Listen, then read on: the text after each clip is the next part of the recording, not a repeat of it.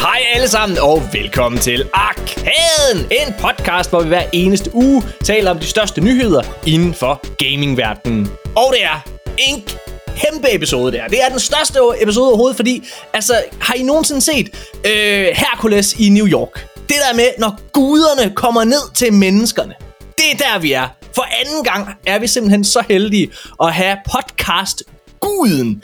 En af de klogeste mennesker inden for, øh, jamen jeg vil sige næsten medier, i hvert fald spil og film og musik, øh, har vi simpelthen med i den her podcast. Og det er Jakob E. Hensley. Og ja, jeg, jeg siger hej til Jakob før jeg siger hej til min medvært. Det er der, vi er. Fuck dig, Nikolaj. Hej, Jakob. Hej. Jamen, så siger jeg, where are the horses? Som er et deep cut og en reference til Hercules i New York med Arnold. Øh, der er ikke mange, der kommer til at fange den reference. Men Legendo-film. Og, øh, og tak for at fremhæve den, Morten. Og hej, Nikolaj. Tak, fordi jeg må være med igen. Hej, Jacob, det... tusind tak, fordi du... ja, mange tak. ja, det er, det, er, det er helt fantastisk. Oh, altså, øh, og vi kommer også til, normalt er vi jo ikke bleg for at snakke lidt om, om øh, hvad kan man sige, film eller serier her i, øh, i podcasten, men, men, men vi kommer altså til lige at, at dvæle lidt mere ved det, fordi vi er så heldige at have Jakob med. Der er så mange film, og serier, der er kommet ud, som, som jeg ikke rigtig kan snakke med Nikolaj eller min kæreste eller andre omkring. Der er ikke nogen, der har helt den samme, i hvert fald, i hvert fald så betyder deres meninger ikke helt så meget for mig, som Jacob. okay, ja, så kan man så... sige. Ej, men det respekterer jeg, det, det forstår jeg godt. Men jeg tænker, altså inden at vi går alt for, øh, for langt ned af Jacob E. Hensley-vejen, så synes jeg, at øh, vi lige skal annoncere noget, Nikolaj. Skal vi annoncere det? Nej, Ej, jeg synes, det skal annonceres. Vi skal ikke annoncere noget som helst, Morten. Vi har her måske, i podcast. Vi kan måske sige lidt henkastet. Nå ja. Og så går det godt for Nikolaj. Nikolaj og mig, vi har jo snakket om her i podcasten, at Nikolaj, eller ja, jeg, jeg sagde det, Nikolaj havde sagt, Morten, du må ikke sige det i podcasten, og så gjorde jeg det alligevel. Der er sket det, at øh, Nikolaj, han har jo søgt ind øh, på en øh, Ph.D. et år før han egentlig øh, kan, eller hvad man kan sige. Nej. Og Nikolaj, hvad er der sket? Jamen, øh, jeg er blevet tilbudt en øh, phd stilling øhm, og du får det til at lyde lidt mere fancy, end det egentlig er, at ja. jeg er kommet et år tidligere Nå. ind, end man kan. Det er da det. Det, det er da først det, efter, at man har lavet kandidaten, at man kommer ind normalt. Det, det, det, det er det, måske det mest, øh, hvad hedder det, det mest almindelige spor at tage. Ja, det er, når man tager ind, øh, søger ind, efter man har øh, gennemført sin kandidat. Øhm, ja, men jeg starter som sagt et år før, så jeg er stadig i gang med min kandidat nu, men jeg har søgt ind på den øh, ordning, der hedder en 4 plus 4, så jeg har læst i fire år, og nu tager jeg så en PhD på fire år, øh, hvor jeg så på halvvejen også får givet mig, øh, får et special, så fremt jeg er i stand til at, at levere noget. Selvfølgelig, det er jo, det er jo øh, slet ikke givet. Ja. Jeg har jo sagt men, til men jeg, sige, jeg, har ikke, jeg, jeg kan ikke rigtig mærke, og jeg har ikke lyst til at, at fejre det endnu, fordi jeg er stadigvæk lige midt i eksamensperioden, og jeg har stadigvæk ikke, jeg er stadigvæk ikke færdig med, med alle mine eksamener, så, så vi er sgu ikke helt i mål endnu. Det er vi ikke. Du og det er derfor, jeg, er lidt, jeg har det lidt dårligt med at, at, og annoncere det og tale højt om det, fordi øh, ja. Hvis det er, at vi rent faktisk har jinxet det, Nikolaj, så er der bare ja. endnu mere guf til podcasten, fordi hvis ja, der er noget, der er fedt, så er det en mand, der ligger dig, Morten. Ja. ja, men vi skal ikke jinx det, Nikolaj, men 100 p, PHD til Nikolaj, PHD, PHD. Nej, vi skal nok lade være med at jinx det. jeg har jo sagt til Nikolaj, jeg synes, at øh, han skal anskaffe sig sådan en, en hvid videnskabsmands kittel. Øh, ja. Fordi det er jo På trods af, at jeg aldrig går med en kittel. I, Nej, men det skal du gøre noget, og jeg, det er det, jeg mener, Nikolaj. Ja. Du skal gøre noget ud af det. Selvom folk ja. ikke går med det i virkeligheden, så skal du gøre det til en ting. Fordi men, men så se, Morten, der, er noget, du, der er noget, du misforstår der. Fordi det der, det, du foreslår der, og det at annoncere det i det podcasten overhovedet, det er jo fuldkommen i strid med alle ja. de, øh, altså alle kerneværdierne i naturvidenskaben. Så det er derfor, jeg virkelig krummer tær, når du insisterer ja. på, at vi skal dele den, de her nyheder i, i podcasten, fordi ja, jeg har, jeg, har, jeg har givet Nikolaj et lifehack til, hvordan han ligesom kommer igennem det her, selelvom han måske har... Nå, hvordan jeg kommer igennem min teori, eller hvad? Ja. Fordi jeg, dengang jeg, for mange, mange år siden, tilbage i 2000 og 14 eller eller andet, nej 13, 2013, der blev jeg tilbudt, øh, der gik jeg også på universitetet, og så blev jeg tilbudt en øh, fast stilling som øh, instruktør på noget, der hedder Deluca Film.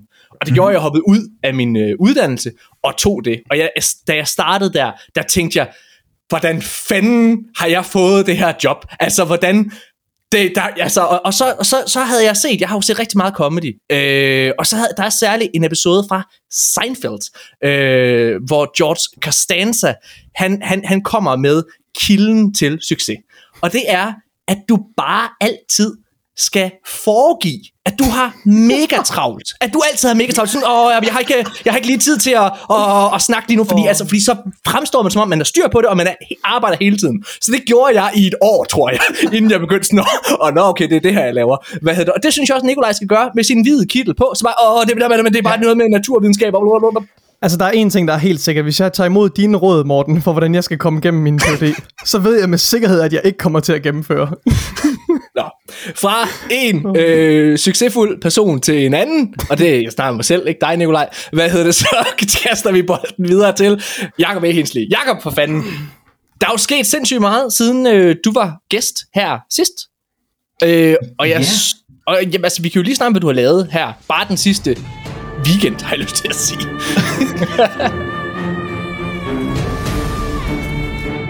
ja, jamen det vil jeg meget gerne fortælle. Øh, det der skete, det var, at det har været en lidt travl weekend, øh, forstået på den måde, at Elias, som er min marker, som jeg laver podcasten Han Duo med, øh, jeg tænker, vi kan godt plukke hinandens ting, så jeg må godt lave Han Duo, ikke? Vi snakker om Han Duo så tit. Hvis man ikke Nå, okay. allerede lytter til det. Han Duo er uden sammenligning Danmarks bedste podcast. Ikke bare i forhold til underholdningsværdi, hvad hedder det, men, øh, og, og formidling og den sag skyld, men også rent produktionelt. Der er simpelthen få podcasts, som er så godt produceret, som Han Duo. Oh, og det, det, det, det står jeg 100% inden for. Så ja, hvis man okay. sidder og tænker, åh, skal jeg lige øh, sætte pause på øh, arkaden, og så, øh, hvad hedder det, lytte til Han Duo i stedet for? Ja, ja, selvfølgelig. hvad hedder det, kom i gang. Ja, bare, bare tag et enkelt afsnit, og så øh, beslut dig for, det var ikke noget for mig, og så gå tilbage til arkaden. Det er fuldstændig Men, men, øh, men okay, godt, så kan jeg bare lige sige, at øh, Handur, det er en podcast, der drejer sig om filmspil og tv-serier, og nogle gange, øh, så kaster Elias og, og jeg os ud i at lave nogle spin-offs. Vi har blandt andet lavet en, hvor vi er i gang med lige nu, øh, på det her tidspunkt, hvor jeres podcast udkommer, går jeg ud fra, er i gang med vores otte afsnit lange rollespilscenarie om Dungeons and Dragons. Vi har en, en spin-off podcast om det, og så har vi en anden spin-off podcast om den bogserie, der hedder Svær og Trolddom, som er sådan en Choose Your Own Adventure bogserie, der kom i 80'erne. Og øh, og den er blevet så populær heldigvis, og når jeg siger populær, så skal det jo selvfølgelig forstå sådan i air quotes, fordi at du blev aldrig rigtig populær nørdeformidler i Danmark, udover hvad mindre du hedder Jakob Stelmann. Øh, men men den, den blev så populær, at vi kunne optræde med det i øh, til Copenhagen, Copenhagen, som er Danmarks metalfestival, har nu fået et område ude på Refsaløen øh, ved København, hvor de kalder det Copenhagen Con, og der er en masse nørdeting, der er tegneserieforfattere, der kommer der, der er nogle øh, filmskaber, der kommer og nørder forskellige ting, og så Elias og jeg sad og læste op fra den svære trolddombog og gennemgik den med publikum, og vi havde valgt den svære trolddomsbog, der lyder allermest som et metalband. Vi havde valgt den, der hedder Amokvæsenet, fordi det lyder ligesom et dansk øh, dødsmetalband. Og øh, det gik okay. Vi kom cirka lige så langt, som vi gjorde sidst, men det var publikums skyld, fordi de blev ved med at råbe, gå mod øst, gå mod øst, og, så, og, og så døde vi. Og øh, så om øh, fredagen, så kørte vi til Aalborg, og var værter på det, der hedder Aalborg Video Games in Symphony, som er en spilkoncert, altså Aalborg Symfoniorkester, der spiller musik fra øh, spil, og, og den her gang, vi har lavet det to gange før, Mm. Øh, den her gang var øh, den, simpelthen den mest overvældende rørende omgang. For det første synes jeg, at setlisten spillede fuldstændig med musik fra Uncharted, Monkey Island, øh, Mass Effect. Det ramte mig fuldstændig mange gange. Og så var publikum altså ekstatiske. Øh, øh, jeg kunne ikke få sådan et ord indført til sidst, da vi skulle sige farvel, mm. fordi at der var stående applaus. øh, og, og, og det var sådan, det endte med, at dirigenten, han sagde sådan, øh, jeg tror du skal sige farvel nu, eller sådan noget, sagde han til mig, til mig men det var så overvældende. Øh, publikum mm. var så meget op at køre over symfonikoncerten øh, øh, og, og, og orkestret. Og ja, det har været, det har været en, øh, en begivenhedsrig øh, uge og weekend, vil jeg sige. Og hvis jeg bare lige må knytte en kommentar til Video Games in Symphony, fordi Nikolaj og jeg har faktisk haft fornøjelsen af at være op og, og opleve det første gang i, i var det. Må have været 2019 eller 2020. Ja. Øh, og der, Nå, der, var, ja der var vi oppe, hvad hedder det, og jeg var alt for generet til at, at gå hen og sige, Hey, Jacob, kan du huske mig, Morten? hvad hedder det? hvad hedder det? Men det var, det var en fantastisk oplevelse, og der er, du, du, du, du rammer hovedet lige på sådan når du sidder og ser det der, med, det der med at mærke den her type, øh, jamen, musik, som har så snævert et publikum, musik, mm. som på en eller anden måde har været med dig, for eksempel at sidde og høre Halos musik, som I havde med ja. første gang, og, ja. og hvad hedder det, selvfølgelig uh, Skyrims, uh, hvad hedder det, Dragonborn ja. uh, tema, at sidde og høre det, og opleve det, Og Jeg for ikke at glemme fuck. uh, Witcher 3, mit, mit, uh, min favorit, Ja. tror jeg, det var Witcher 3-musikken, uh, som der kom også, uh, noget musik, der blev featured i en trailer på Ja. et tidspunkt, en cinematic trailer, ja. um, som også er virkelig, virkelig smuk med en, en, en kvindelig sangerinde, der, der, der sang Ja. til. Det var, altså, det var, kæft, det var godt. Det har vores Ja. varmeste, varmeste anbefalinger. Det er Ja. ja. virkelig en fed oplevelse. Jeg giver, en, øh, jeg giver en fuck for klassisk musik, eller hvad man skal kalde det, øh, normalt, ikke også? Men det her, det var simpelthen, det er den bedste koncert, jeg nogensinde har været til. Øh, Ej, er det godt at høre, dreng. Det var, ja. det var virkelig, virkelig godt. Setlisten, øh, øh, Witcher 3 gik igen den her gang. Desværre så sprang koret mm. fra i, øh, i sidste øjeblik, så vi havde ikke kor med den her gang, men det gjorde faktisk ikke det store, mm. øh, fordi at øh, Jonas, som stod for at være, øh, ja, ham der ligesom havde arrangeret det og fået sat det i, i, øh, i støbeskeen, han var så god til at omrokere setlisten, så musikken var god nok i sig selv, uden at der var kor og øh, sopran og det ene og det andet. Men det kan måske være, at det bliver, det bliver næste gang, hvis der bliver næste gang, hvilket jeg tror, fordi at der var drenge for... I har været i, i koncertsalen så i øh, Musikkens Hus i Aalborg, og den, tredje, den tredje balkon var, var fyldt den her gang, altså så der var virkelig, der var næsten udsolgt, det var meget, meget overvældende. Øhm, ja, men det, Morten, en anden gang, du skal da bare skrive, det, er jo- det, det, det, det, det er no problem. det, ja, det er jeg. Det, det er, ja, det, det, ja. Jo, må- jo, det gør jeg næste gang. Hvad Ja. ja. hedder det? I hvert fald bagefter. Jeg var der. øh, Jakob, altså det her øh, har du rollespiller, det har jo været en, en ret stor succes. Og det har været så succesfuldt, at du er kastet dig ud som forfatter. Ja, der er simpelthen sket det, øhm, at der skete noget ret vidunderligt med vores svær trolddom podcast, og det var, at vi lige pludselig blev kontaktet af, fordi jeg kan lige så godt sige det som det er, Elias og jeg, vi har jo gået tidligere sådan lidt med ønsker om at skrive en eller anden form for bog, og vi kunne ikke rigtig knække, hvad det var, at det skulle være, og så lige pludselig så fik vi en mail fra et forlag, der hedder Silhouette, som mest drejer sig om, du ved, øh, børnefiktion og fantasy, og de skrev bare, de skrev bare sådan, den der svære trolddom ting, kunne I ikke have lyst til at skrive jeres egen for os? Og altså, du ved sådan, der gik ikke 10 minutter før vi modtog mailen til, at jeg ringede til Elias og sagde sådan, altså jeg er ret frisk på det her, og han var sådan, jamen det var jeg også. Øh, fordi det er ligesom om, at vi har let efter en undskyldning for at kunne skrive den her bog, og, og vi ved ikke, hvorfor vi ikke selv havde gennemskuddet det, men det taler bare til øh, forlaget Silhouettes intelligens, det var, at de kunne gennemskue, selvfølgelig skulle det være en vel selv handling bog. Så nu kommer den til november, og øh, Øh, jeg må gerne, jeg, jeg, jeg ved ikke, om jeg må sige det her, øh, apropos at jinxe, øh, men, men det, det, det er så overvældende, hvordan folk har været interesseret i det her, som ellers virker som et ret dødt format. Det, det er ikke fordi, og det er ikke, øh, jeg- vil ikke lyve og sige, at Elias og jeg er de første i Danmark, heller ikke i år, der skriver en vel selv handlingbog, fordi der kommer nogen, øh, men det, det var vi faktisk ikke klar over, at der øh, bliver skrevet lidt øh, i krone af sådan nogle her bøger, men øh, igen, jeg siger det nu her, og så må jeg bede om øh, tilgivelse, snart en tilladelse, men Elias og jeg har fået lov til at komme på bogforum med den her bog, øh, hvilket er, altså vi får en scene, og det er bogforum, der har sagt ja, så vi skal ikke engang selv komme sådan noget med, øh, øh, vi så ikke betale for en scene og sådan noget, og det, altså det taler virkelig til bogforum, det er så vist ikke i Bellerhøj, tror jeg det er, det taler virkelig til deres entusiasme, men også mod, at de ja. tør lade to debutforfattere, så har, der har skrevet sådan en, gå til den her, hvis du ikke vil møde trolden side, ikke? at de gerne vil give os en chance. Øh, Ja. Så jo, vores, vores debutbog kommer til november. Jeg tror, og den synes jeg da helt klart, man skal gå ind og forudbestille allerede nu, hvis man kan. Øh, altså, der er et eller andet helt specielt ved dig og øh, Elias' kemi, Jakob. Altså, det er virkelig... Altså, jeg tror... Der, jeg, vil- jeg, vil ikke, øh, jeg vil ikke undre jer noget, hvis I står den dag, Jakob Stelmann, han øh, ligger på sit dødsleje, at du sidder og tager hans hånd og siger, bare giv slip, bare giv slip, Jakob. Fordi, fordi, fordi, så er du der til at blive den næste, Jakob. Altså, så er du kongen. Hvad hedder det? Jeg, oh, gud. Ja. jeg, jeg, men altså, I har virkelig en helt speciel øh, kemi, og jeg, altså næste gang I har, øh, hvad hedder det, jeres, øh, jeres øh, almindelige Han Duo øh, show, som I også en gang imellem har på, på Bremen, øh, så, øh, så, så, så ved jeg, at øh, jeg skal over og opleve det. Det er, det, det er mageløst, det kan jeg virkelig godt forstå. Jeg synes, det er godt set faktisk af, øh, af forlaget, altså øh, at pege på jer to. Øhm, ja, det, det er fedt.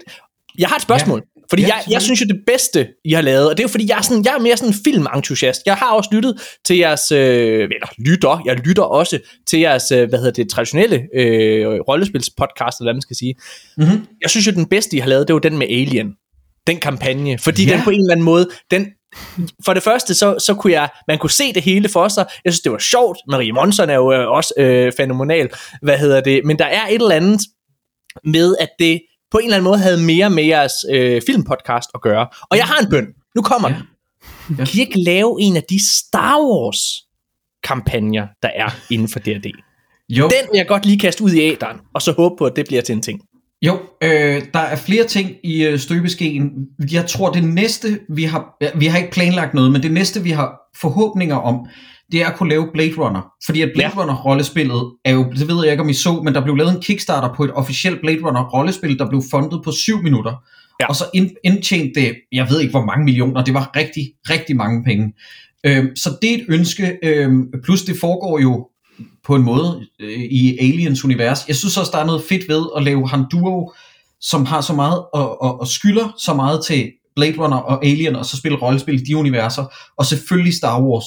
Selvfølgelig bliver det nødt til at komme på et tidspunkt. Der er også Witcher-rollespillet. Altså, der er lavet et rollespil baseret på Witcher, som vi har drømme om. Og hvad fanden var det ellers, vi snakkede om? Og det har jeg glemt nu. Men jo, der, der, der er mange planer og ønsker, fordi at det næste, der sker på rollespil, nu når, når Dungeons and Dragons den er færdig her i slutningen af juli, så øh, skal vi have afsluttet vores Call of Cthulhu-historie. Mm. Med femte sæson, der udkommer til oktober, tror jeg det er. Jeg tror, den er planlagt til Halloween. Øhm, så jo, jo, der, der, der er mange ønsker, og der er faktisk også mange, der har spurgt, om vi ikke kunne lave mere Alien. Også selvom vi, altså vi, vi tog det jo bare som en one-off, sådan, lad os prøve forskellige systemer af. Men folk kunne enormt godt lide Alien. Ja. Øhm, det var, det, var også, øh, det var også rigtig godt designet af vores øh, lydmagiker Anders efterfølgende. Det var, det var et godt spil, men jeg er glad for, at I godt kan lide det.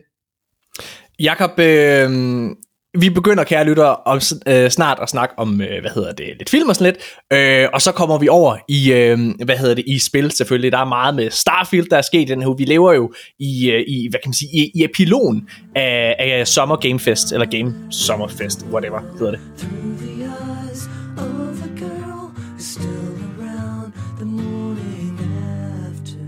Men der er en aller sidste ting. Jakob, noget du også har gjort, som jeg bare godt, jeg godt tænke mig at høre lidt omkring din arbejdsmetode. Du har lige lavet over, tre, et, over tre timers portræt. Du er jo til daglig radiovært på P6 Beat. Øh, og du har lige lavet over tre timers portræt af kunstneren, har jeg lyst til at sige, øh, Ja. Elliot Smith.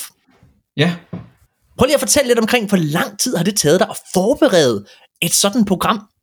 øhm, Og har du fået respons på det?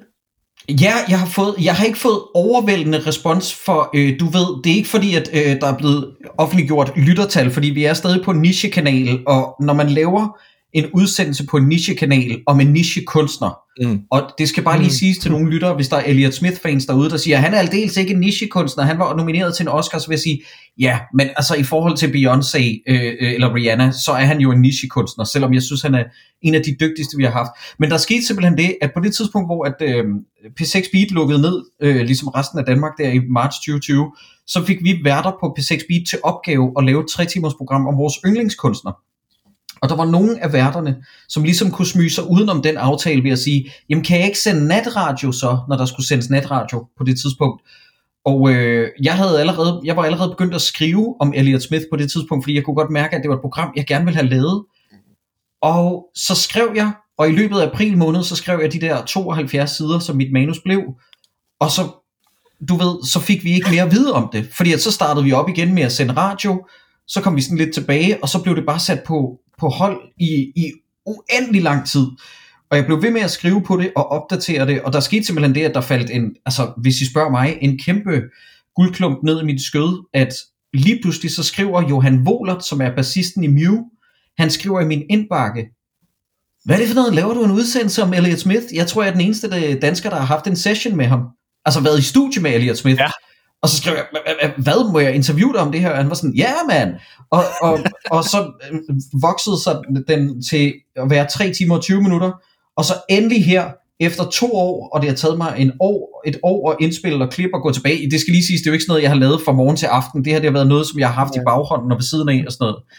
Men det tog mig to år at lave og indspille og færdiggøre det her program, og så blev det sendt for en, en lille måneds tid siden, og folk har simpelthen været så søde, både på P6 Beats Instagram og i deres indbakke, og i min indbakke har folk, altså jeg kan mærke, at Elliot Smith-fans har virkelig været glade for det. Mm. Øh, og jeg tror, at det er nok det, som jeg er stoltest af, når det kommer til, I ved sådan, gennemarbejdet, øh, gennemarbejdet øh, vellavet og klippet øh, øh, radio, jeg har lavet. Fordi at når jeg står og sender live, det er jeg rigtig stolt af, det er ikke det, men det er jo ikke sådan noget med, når du står og sender live radio, du, du kan komme ind og kæle ved detaljer på den måde, som jeg gjorde der, ikke? Med lydklip og, og du ved, øh, evidens og øh, det ene øh, reference til den ene anmeldelse og interview efter det andet og lydklip. Nej, det, jeg er rigtig, rigtig stolt af den udsendelse. Tak fordi du spørger mig om det, Morten. Det, den er jeg virkelig glad for. Det, det er jo det mindste, man har der. Så skal man jo spørge ind til alt det, man går og tænker. Øh, ja. Hvad hedder det? Og, lyder øh, og det bringer os... Det lyder virkelig fedt. Jeg synes, det er nice også, der- at der er plads til den slags sådan Ja. dybdegående journalistik, altså hvor man virkelig dykker ned i, i detaljerne også. Altså, det er utrolig imponerende, at du har lavet så meget grundig research. Og du Hva, også hvad ser du egentlig dig selv detaljerne. som? Hvad ser du egentlig dig selv som? Altså, hvad, hvis du skulle have sådan en, en, en titel, Jacob. Hvad er du? Øh, radiovært, podcaster, øh, anmelder? Hvad, hvad, hvad, hvad vil du egentlig kalde dig, hvis du kun måtte sætte et ord på? Multimediemand. Nej, nej, nej, det vil jeg aldrig sige. Øh, jeg tror, jeg vil sige stor, fed nørd. Nej, jeg, jeg ved det simpelthen ikke. Øh, men jeg er blevet spurgt, jeg er blevet spurgt om det de fleste gange, når der er nogen, der spørger, hvad skal jeg præsentere dig som? Mm. Mm. Så siger jeg radiovært og podcaster. Mm. Jeg tror, hvis, hvis jeg kun skulle svare én ting, så ville jeg nok sige radiovært, fordi det er jo det, der er mit faste arbejde. Ja. Men det er også sådan lidt, det er lidt irriterende, når man sidder til, hos frisøren, og man bliver spurgt sådan, hvad laver du så? Og så siger man, "Øh, radiovært. Så der, du ved sådan, der kommer jeg udenom det ved at sige journalist, fordi det er ikke en beskyttet titel. Det kan alle, Ah, det kan alle ja. gå og sige. Ja. Ja.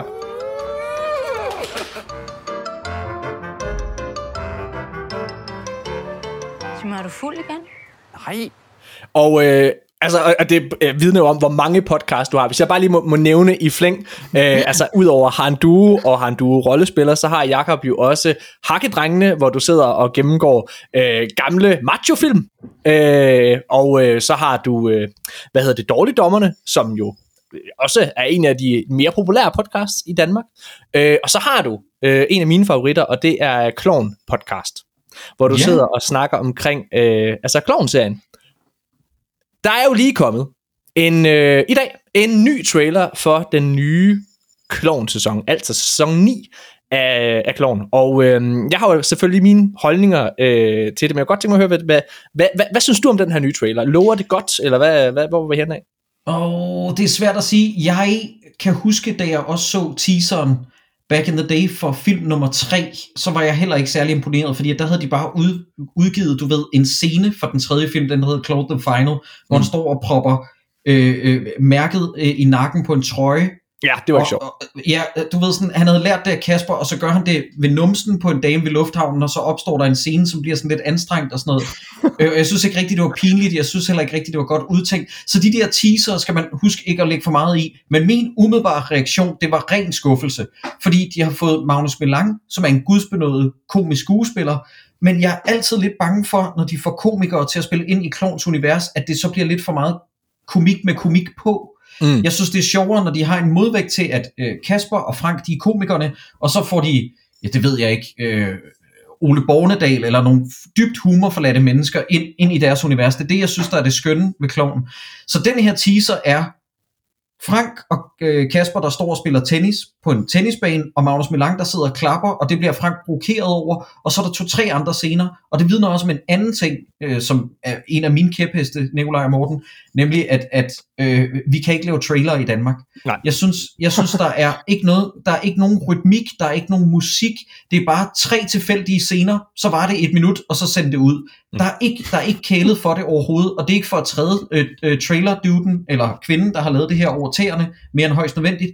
Jeg synes bare, man må godt, du ved, det her det er det første blik, vi får på, for sæson 9 af Klovn. Man må godt gøre det lidt mere sexet, lidt mere indbydende. Men det er mit take, Morten. Hvad var, hvad var dine tanker? Jamen, jeg var øh, faktisk fuldstændig ligesom, øh, ligesom dig. Hvad hedder det? Jeg var også ret skuffet over, øh, over traileren, men, men, men jeg, jeg tror faktisk, den eneste trailer til Clown, hvor jeg sad og tænkte, hmm, det ser måske meget sjovt ud, det var faktisk til Clown The Movie, hvor det, Ja. jeg tror, det var Iben Jejle, der var skidesur på dem eller et eller andet, hvor jeg sad og tænkte, åh, det ser da meget sjovt ud. Ja, øhm, ja. Men, men, men nej, den ramte mig heller ikke. Men det, der til gengæld rammer mig, det er, at at, at det der med, at Kasper og Frank, de kører på deres energi, og de lavede den her sidste år, hvor de var ude at sige i hvert fald, at, at deres energi var tilbage. Og Mm. jeg synes, sæson 8 af Kloven var back to form på en eller anden Mm. måde. Efter, efter en nedadgående, øh, for, i min optik, øh, ja, stime er det. Jeg synes ikke, Jesper Rofeldt, der lavede sæson 7, ramte den helt. Øh, hvad hedder det? Øh, men og jeg var sådan lidt med, at Kasper han selv skulle instruere, men det synes jeg faktisk, han klarede okay. Jeg synes, sæson 8 startede rigtig godt, sluttede dårligt. Det sidste Ja, afsnit med der biografen var helt forfærdeligt. Ja. Øh, hvad hedder det? øh, Men, men, men der var virkelig nogle af de sjoveste afsnit i sæson 8 i, i første halvdel, synes jeg. Ja, ja. Øhm, og nu er Mikkel Nørgaard, så vidt jeg er orienteret, tilbage som instruktør øh, på, på den nye sæson. Og Mikkel, det er jo øh, ham, der har lavet Clown The Movie og de første par sæsoner af Clown. Så jeg har faktisk en ret store forventninger til den her sæson. Men, øh, men jeg var skuffet over traileren. Ja, ja, det var jeg ja. også. Men igen, ja, altså jeg håber med den her nyfundne øh, energi, som de, det virker som om, at de har ramt, ikke? Øh, og også det der med, at de smider så hurtigt, mens jernet er varmt, og laver to sæsoner back to back, det har vi jo ikke haft siden det originale serierun, som var sæson 1-4, dengang hvor det var meningen, at det skulle slutte med sæson 4. Ikke? Ja. Øh, det, er- det er længe siden, vi har haft så høj frekvens af, af, af klovn. Og jeg er, glad, jeg er faktisk glad for, at de fortsætter. Du ved, ligesom med dig, Morten, der var jeg sådan lidt efter syvende sæson, der var jeg sådan, burde de overhovedet have fortsat? Ja, lige Men nu, her, men nu her med 8. der er sådan, okay, de har ikke ødelagt, du ved, det der, det der kom før. Så, så jeg, jeg er forhåbningsfuld, vil jeg sige. Jeg, øh, jeg synes, de, de formår hele tiden at overraske mig. For eksempel med Clown øh, filmene, der har været tre, og toeren er jo noget af det værste garbage, jeg nogensinde har set. Altså, det er godt, vi enige der. Ja.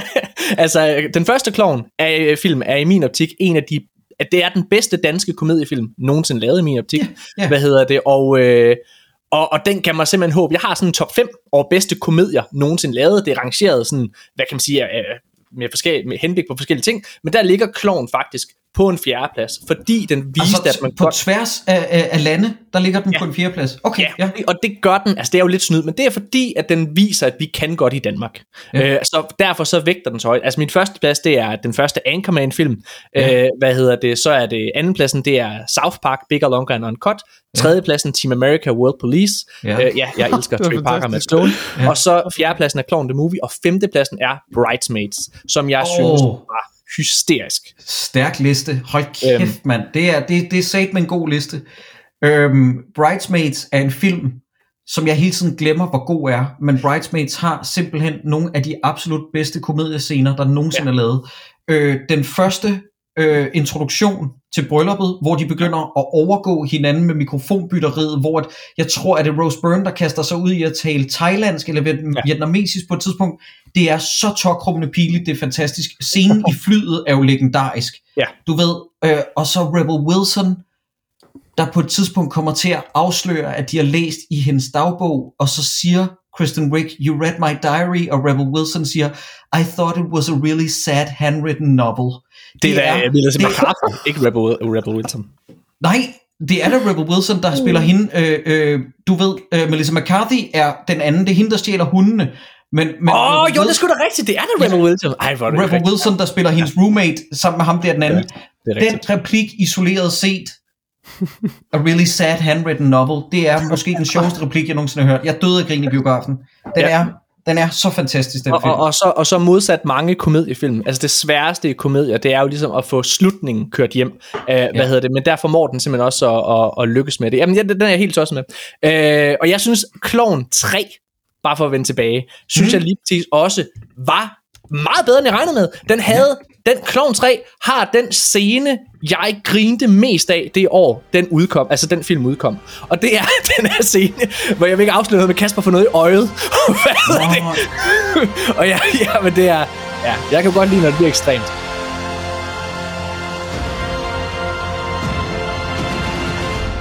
Okay, lad os gå videre med at snakke lidt popkultur, så resten af øh, fans også skal med. Jeg ved godt, vi skal nok snakke om spil. Der er lige en masse ting, de snakker om. Fordi prøv at høre, den er helt gal i, øh, i DC-land, og øh, hvis man ikke følger med i, øh, i, i top øh, sladderbladene, så øh, Ezra Miller, der spiller The Flash, han har jo flere gange øh, været i vælten i pressen, fordi han er blevet anholdt i Hawaii flere gange øh, af politiet ja. øh, for vold og øh, chikanering, og jeg skal komme efter dig. Og øh, nu er det, øh, nu er han simpelthen blevet anklaget af øh, nogle, øh, nogle forældre til et øh, barn, der har anklaget ham for at groome og manipulere deres barn, øh, siden Ezra Miller han var 23, barnet var 12, og anklagen kommer som sagt fra barnets forældre. Øh, og der er også en video fra 2020, hvor han kvæler en fan. Ja, Altså, Ja, der der er, er- altså den er helt gal for ham, ikke?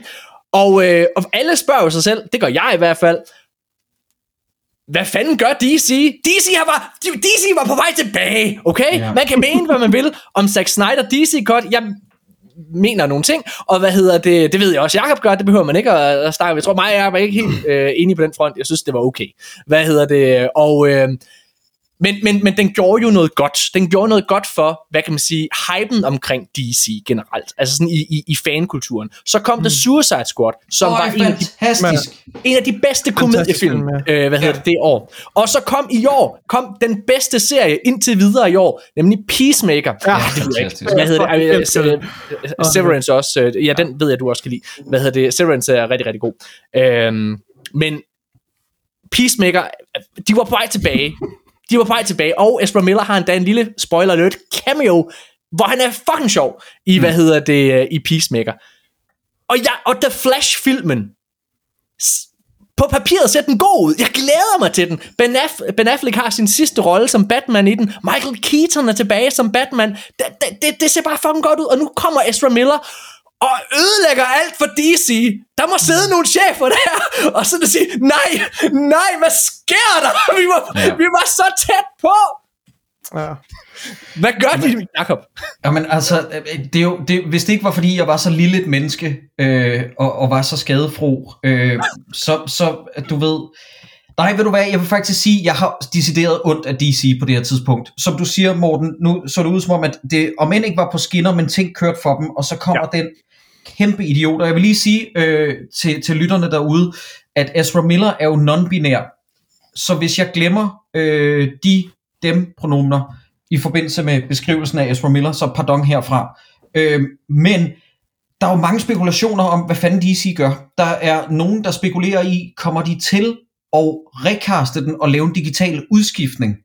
Det kan, være i min optik, det, min, min optik kan det her ikke nås, fordi alting er indspillet, og vi snakker om en hovedperson, Er det ikke alt for omfattende? Hvad- Det vil Jamen, koste, det- altså, hvor meget, altså, meget vil det koste? Og, og, Jamen det er netop det, fordi at filmen er blevet estimeret til 200 millioner dollars i produktionsbudget, som er en af de klart dyreste øh, DC øh, EU-film.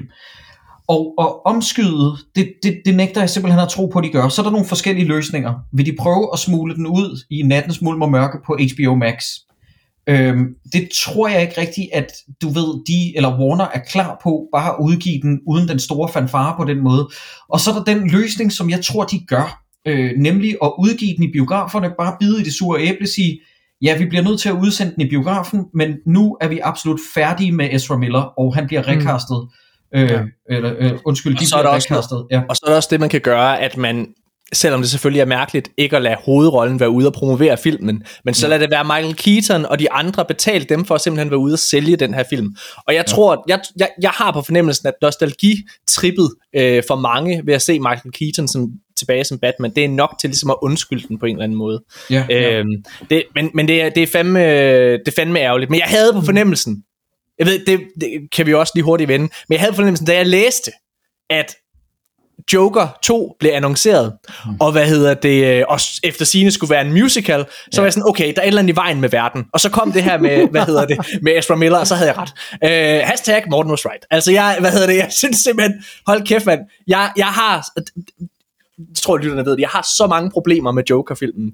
Hvad hedder det, den er horribelt dårlig, og jeg har et kæmpe problem med, at man hylder den mest ondskabsfulde person i, øh, hvad hedder det, altså hele popkultur generelt. Mm, altså ja. hylder ham og gør ham sympatisk. Ja, det er, det er, det er simpelthen fuldstændig forfærdeligt. Og det ja, er, en, det er eklatant fejlskud.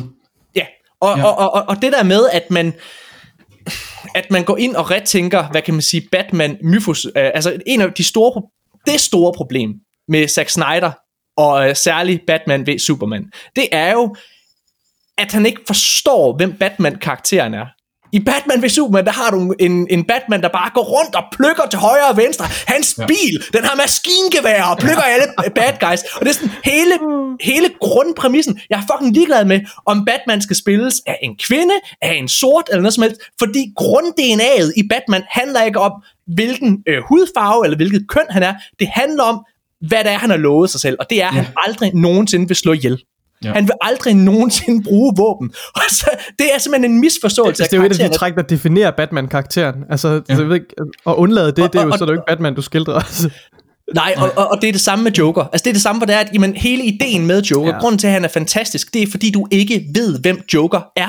Ja. Du har aldrig nogensinde i tegneserien, øh, hvad hedder det, aldrig nogensinde i nogen som helst Batman-tegneserie, har du rent faktisk fået et entydigt og klart svar på, hvem Jokeren er, og det er derfor, han er fantastisk. Det er, øh, altså, i al, og Batman, Jokeren har eksisteret siden 40'erne, mine damer og herrer. Ja. Det har de altså holdt hemmeligt. Og det er Ja. fordi, han eksisterer med, øh, hvad kan man sige, med, med, med, det er mystikken, og den her ondskab. Han er bare ren kaos, ren ondskab.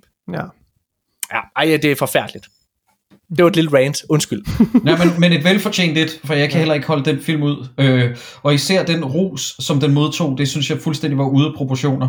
Nej, jeg, jeg, jeg bliver faktisk vred bare ved at tænke på den. Altså det svarer til at lave en baggrundshistorie på The Great Old Ones i, øh, du ved, Call of Cthulhu, hvor det er sådan, jamen, det er, jo, det er jo mystikken omkring det for helvede, der er det uhyggelige. Vi skal ikke fucking forklare alting.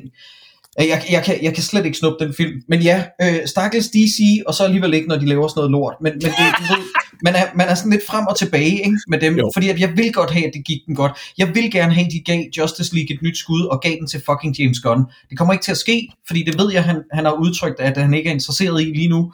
Men for helvede, hvor vil jeg gerne se en James Gunn Justice League film. Altså, Må jeg, Ja. må, jeg, må jeg stille jer et, et potentielt lidt provokerende spørgsmål, jeg nok kommer til at fortryde, jeg spørger. Og jeg synes lige, I skal tænke over det, inden I svarer. Hvad hvis Joker-filmen intet havde at gøre med Joker-karakteren? Og altså man bare kunne Så kan du den se som uh, The King of Comedy, helt- Nikolaj. Det er den samme film. Jamen det er det, lige okay. Præcis. Det, se, okay. Det er netop det, øh, øh, og, øh, og det er faktisk et godt spørgsmål, fordi at hvis den bare havde hed The Comedian, så er det, som Morten siger, jamen så er det et remake af The King of Comedy. Fordi det er en til en den, øh, den samme problematik, og det er der ikke noget interessant i, men de vælger at proppe den ind i sådan en underlig form for pølsemandens Martin Scorsese øh, øh, ja, karaoke, og, og det gør mig bare, du ved, jævnt træt. Jeg synes i det mindste, der var en mening med, at The Batman, den nye Matt Reeves film, den kiggede så meget ind i Finchers æstetik, fordi at Mm, Finchers æstetik har altid været Gotham-agtig, hvis man ser Seven. Så det gav god mening for mig, men, men, ja. men øh, det Hvordan der med, kan, man de går ind- overhovedet, hvordan kan man overhovedet sidde og hylde DC, og hvor godt det går for DC, og så ikke engang nævne The Batman? Ja, jeg skulle altså, lige- fordi The Batman er den, ja. er den bedste film, jeg har set i år. Jamen, den er fantastisk. Hold kæft for Hold den. kæft, den er god. Det er seriøst, det er tre timer. Jeg så den to eller tre gange i biografen, og der var ikke på noget tidspunkt, hvor jeg kiggede på min ur. Det har jeg gjort med, Nej. altså selv, selv The Northman, som jeg synes er fantastisk, der kiggede jeg på mit ur i, i andet akt, fordi den føles lidt lang. Men Batman, det er tre timer, der flyver afsted.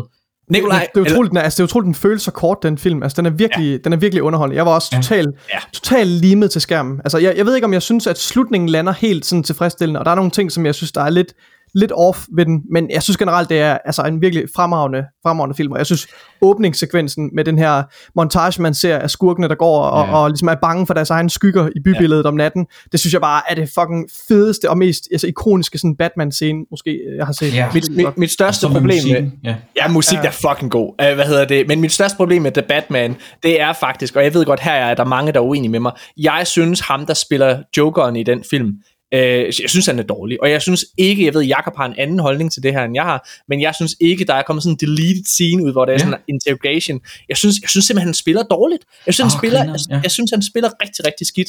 Okay. Øh, og han, det er sådan lidt... Det er sådan lidt uh, Heath Ledger jam i mit hoved. altså, uh, ja. ja. Og det ja. har jeg et problem med. Jeg Han er, kan jo- han er jo kun lide- med i 10 sekunder eller sådan noget. Jamen, der er kommet en slettet scene, øh, ja. som forklarer, øh, det, der, det der er ved The Batman, må, må vi gerne nørde The Batman en lille smule? Ja, ja, giv den gas. Ja, fordi at det, der skete lige efter The Batman udkom, det var jo, øh, at folk var sådan lidt, jamen, er det Joker? Og der var nogen, der spekulerede i, jamen, måske det er Two-Face og prøvede at bortforklare sig selv, og mm. jeg havde en teori om, at hvis det gik så dårligt, og modtagelsen var så dårlig, hvis konsensus havde været ligesom Morten, så havde de tænkt sig, ah, men det er ikke, det er ikke The Joker, det er bare en anden en, ligesom ham der, øh, pølsemandens Joker, der er med i Gotham-serien. Øhm, Ja. så, så, øh, men så kommer så viser det sig, at Matt Reeves faktisk har slettet en hel scene inde i midten af filmen, hvor at Batman opsøger Joker, og det viser sig, at øh, der ligger en helt forhistorie bag Batman åbenbart. Øh, filmen starter jo ved, at vi er i gang med år 2 på Batman, og øh, der til deres samtale ved afhøringssekvensen, så prøver han at spørge Joker ind til hjælp. Han prøver at spørge ham om hjælp til at fange The Riddler.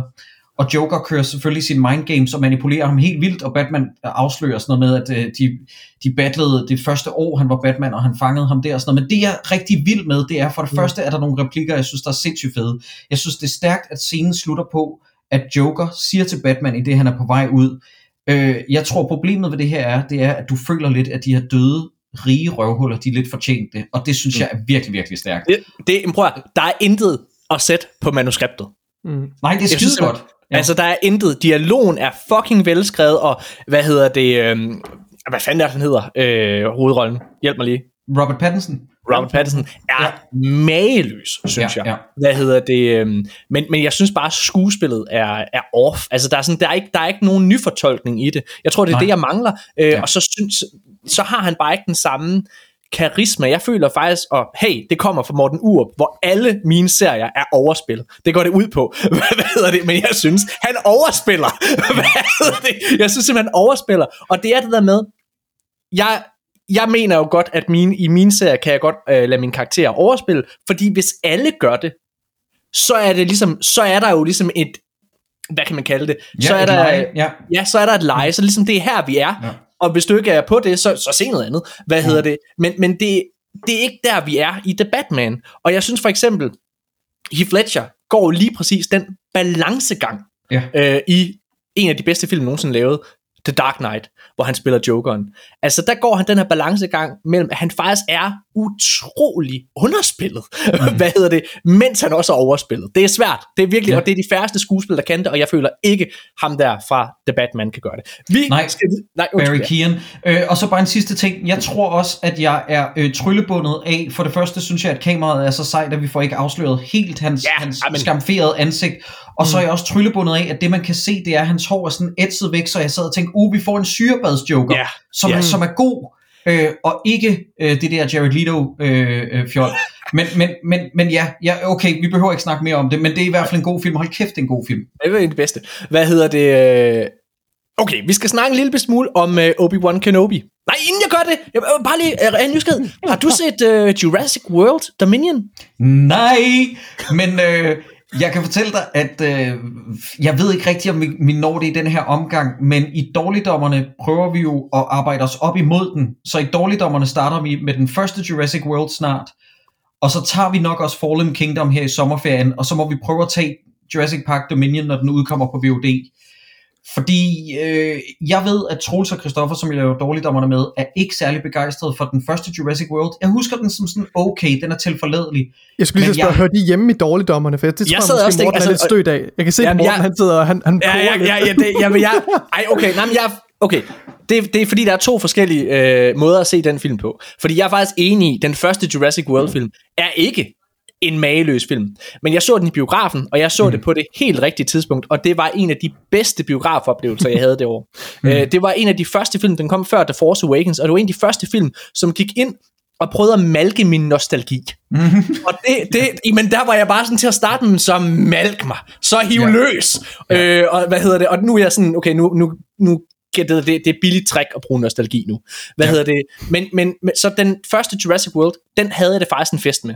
Øh, hvad hedder det? Men, Men, men Fallen Kingdom, der, der, der kunne jeg mærke, at der blev jeg rigtig, rigtig vred. Øh, Ja. og, og, og dem og deres fucking hybrid-dinosaurer, dem skal de stikke lige op, lige op i nummeren. Ja, noget? Fordi, fordi sådan som jeg Ja. husker, at den første Jurassic World er, nu har jeg ikke genset den til dårligdommerne endnu, øh, men den, den første Jurassic World kom jo i 15, så det er efterhånden syv år siden, jeg har set den.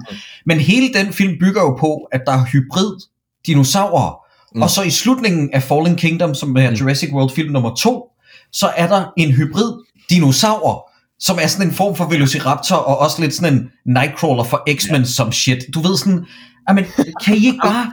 Dinosaurer er fede nok i sig selv, venner. Nej, Hvorfor problemet det er, at de ikke fatter, hvad der gjorde den første Jurassic Park film fed.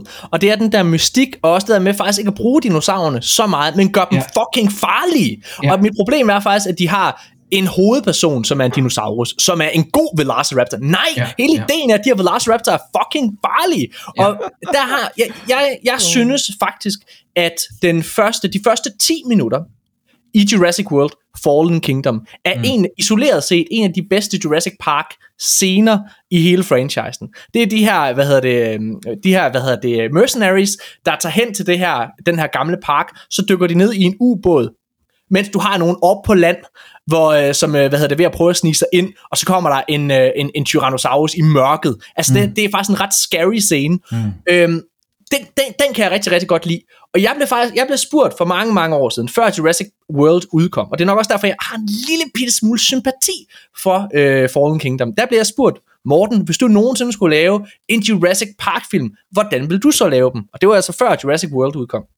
Og der sagde jeg, jamen jeg vil prøve noget helt andet. Jeg vil bare lige øh, sige, jeg kommer aldrig nogensinde til at lave andet end komedier. Altså, det, du, der går to sekunder, så har jeg lyst til, at der er en eller anden, der prutter. Hvad hedder det? Det, det, det, det kan jeg ikke. Men, men, men der bliver jeg spurgt, hvad vil du gøre, hvis du skulle lave en Jurassic Park-film? Men så sagde jeg, jamen, jeg tror faktisk, jeg vil prøve at gøre det, altså nedskalere det. Mm. Lad det være en eller anden øh, videnskabsmand eller et eller andet, som øh, i, i et hus, altså gør det til sådan en totalt klaustrofobisk nedskaleret ja. en, hvor der er én dinosaurus, ligesom den første Alien, hvor der er et monster, og så, hvad hedder det, la- og lad det være en Velociraptor, der er blevet stor og sluppet løs, og så stoppe den ihjel en til en. Men altså prøv at gøre noget andet, og det, det er jo lidt det, den gør, Fallen Kingdom. Det går lidt derover, så jeg har lidt, oha, det var jo lidt der, hvor den idé, jeg engang havde. Øh, men det er en dårlig film. Så Ja, den, den er godt nok åndssvag til sidst, hvor den der... Ja, men, det, men det, den første halvdel er jævnt irriterende, og den anden halvdel, hvor de er i det der slot, det er katastrofalt ringe. Mm. Men det er sjovt, fordi jeg har faktisk tænkt noget lignende, øh, øh, Morten, det her med, at min våde drøm omkring, hvor Jurassic World skulle hen efter den første, det var præcis som dig, det er at nedbarbere det. Min drøm er jo selvfølgelig, at alting skal være R-rated. I min verden er alting jo R-rated, og de, fuck, de fik Jeremy Solier til at lave den, og det var en form for siege-film, hvor der var nogen, der var inde i et hus, og der var, øh, du ved, dinosaurer, der havde omringet dem, og de skulle ud. Bare gør det enkelt, lav det til halvanden time med praktiske effekter og en masse, masse blod. Så på Ja. den måde kunne man have gjort øh, dinosaurer uhyggelige igen. Forestiller jeg mig i mit naive sind. Så, så jeg er meget på samme side. nu, nu, nu spørger Morten, jeg er bare der- lige. Ja, undskyld. Er, er, der, er der plads til dinosaurer i uh, Morten Urup Cinematic Universe? nej, det er der ikke. er der ikke det? Det? Det er da ikke det jeg tror, skøreste, du jeg tror, har der, jeg tror, jeg Jeg tror, der jeg er sige, det er ikke det, der er mest langt ude i din, i din serie. Det kan jeg, jeg, jeg, tror, jeg, med. jeg, jeg tror, der er mange, der mener, der ikke engang er plads til, til Morten Urup Cinematic Universe i universet. Prøv at høre. Jeg, øh, jeg bliver nødt til at spørge bare lige, nu er vi i, i filmverdenen, ikke også? Øh, har du fået set øh, Alex Garlands Men? Ja, jeg har, øh, det er mig, du spørger. Ja, Ja, ja, ja. Jeg, øh, Uh, jeg, var i, øh, jeg var i biffen og se det, for at det ikke skal være løgn. Øh, jeg nåede ikke pressevisningen, eller også så blev jeg ikke inviteret. Det var også skidelig meget.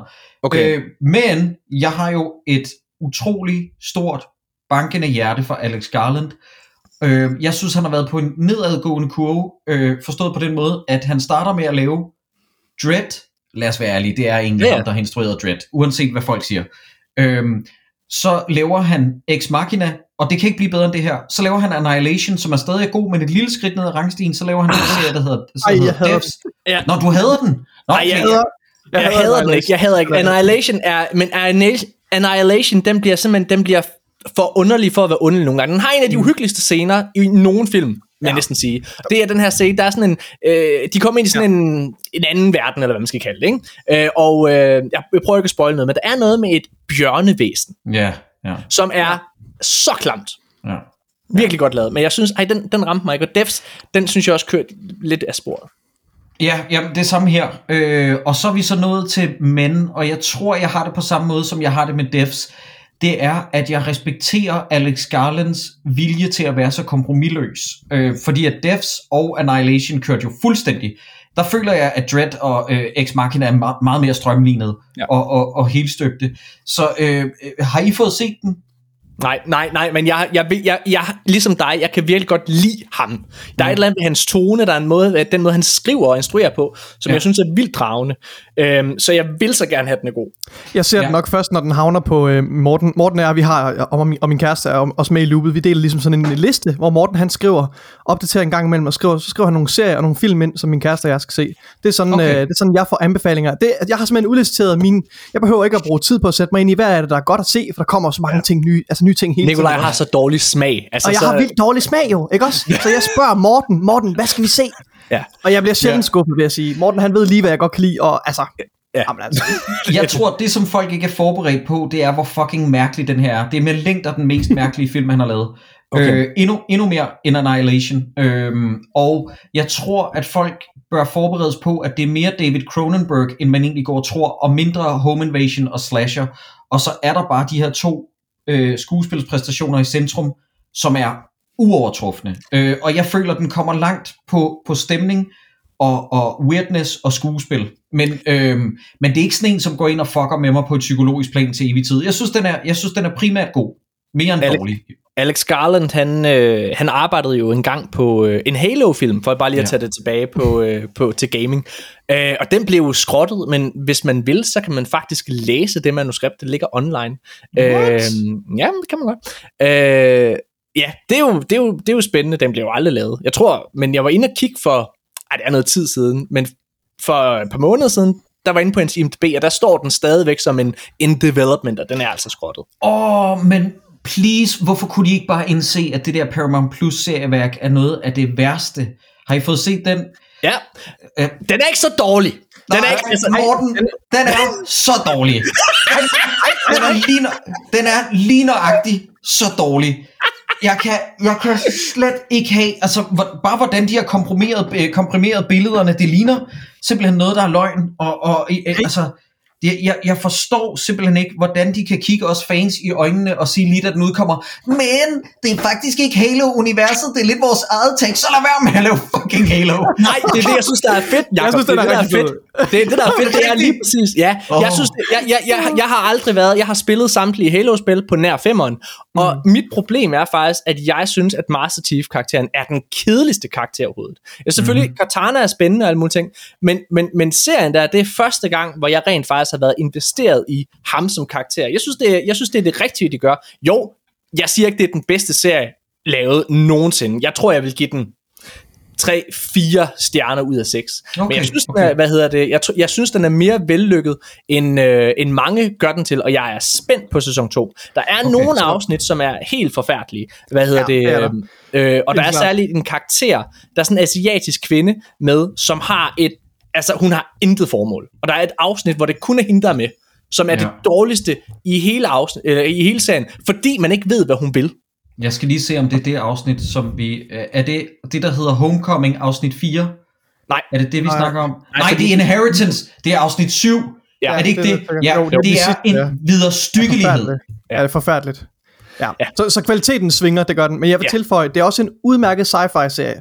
Jeg synes også, jeg synes det der gør hele universet mest spændende, det er omkring det her Spartan program. Øh, og, og selvfølgelig Cortana og, øh, og Master Chief. Og det, at vi får lov til at se, hvordan deres relation til hinanden bliver skabt, Ja. og hvordan deres bånd bliver skabt. Jeg køber den. Jeg synes, altså, Ja. jeg, jeg kan ikke kalde mig selv sådan en total inkarneret Halo-fan, for jeg har ikke spillet alle Halo-spillene og, og, og dyrket det fuldstændig, men, men ligesom Morten, så har jeg spillet øh, ja, op til, til og med Halo ODST, og så har vi selvfølgelig spillet Infinite også. Øh, men men jeg, jeg køber den. Jeg synes, det, jeg synes, det er en, en udmærket serie. Altså en rigtig Jeg er rigtig glad for at høre, at øh, folk som jer findes.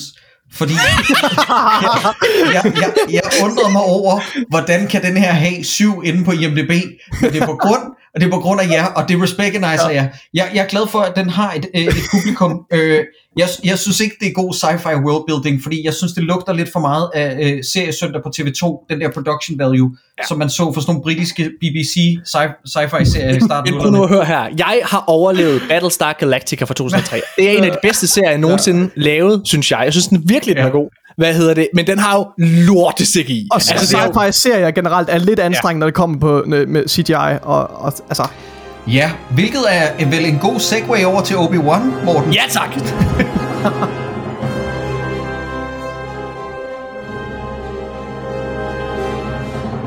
Hvad hedder det? Øh, Okay, så jeg mangler... Jeg har set alle fem episoder derude indtil videre. Jeg Glæder mig Jeg har meget ikke set femte endnu, vil jeg lige komme med. Uh, Okay, Ja. så har du set den dårligste episode. Ja. øhm, okay, ja, vi kommer til at spoil en lille bitte smule op til, øh, altså de, de, i hvert fald de tre, fire første her. Mit problem med episode 4, det er egentlig, jeg kan rigtig, rigtig godt lide den måde, at alle episoden, der er seks episoder, og på en eller anden måde, så er de sådan en, øh, øh et mirror af øh, de seks første film.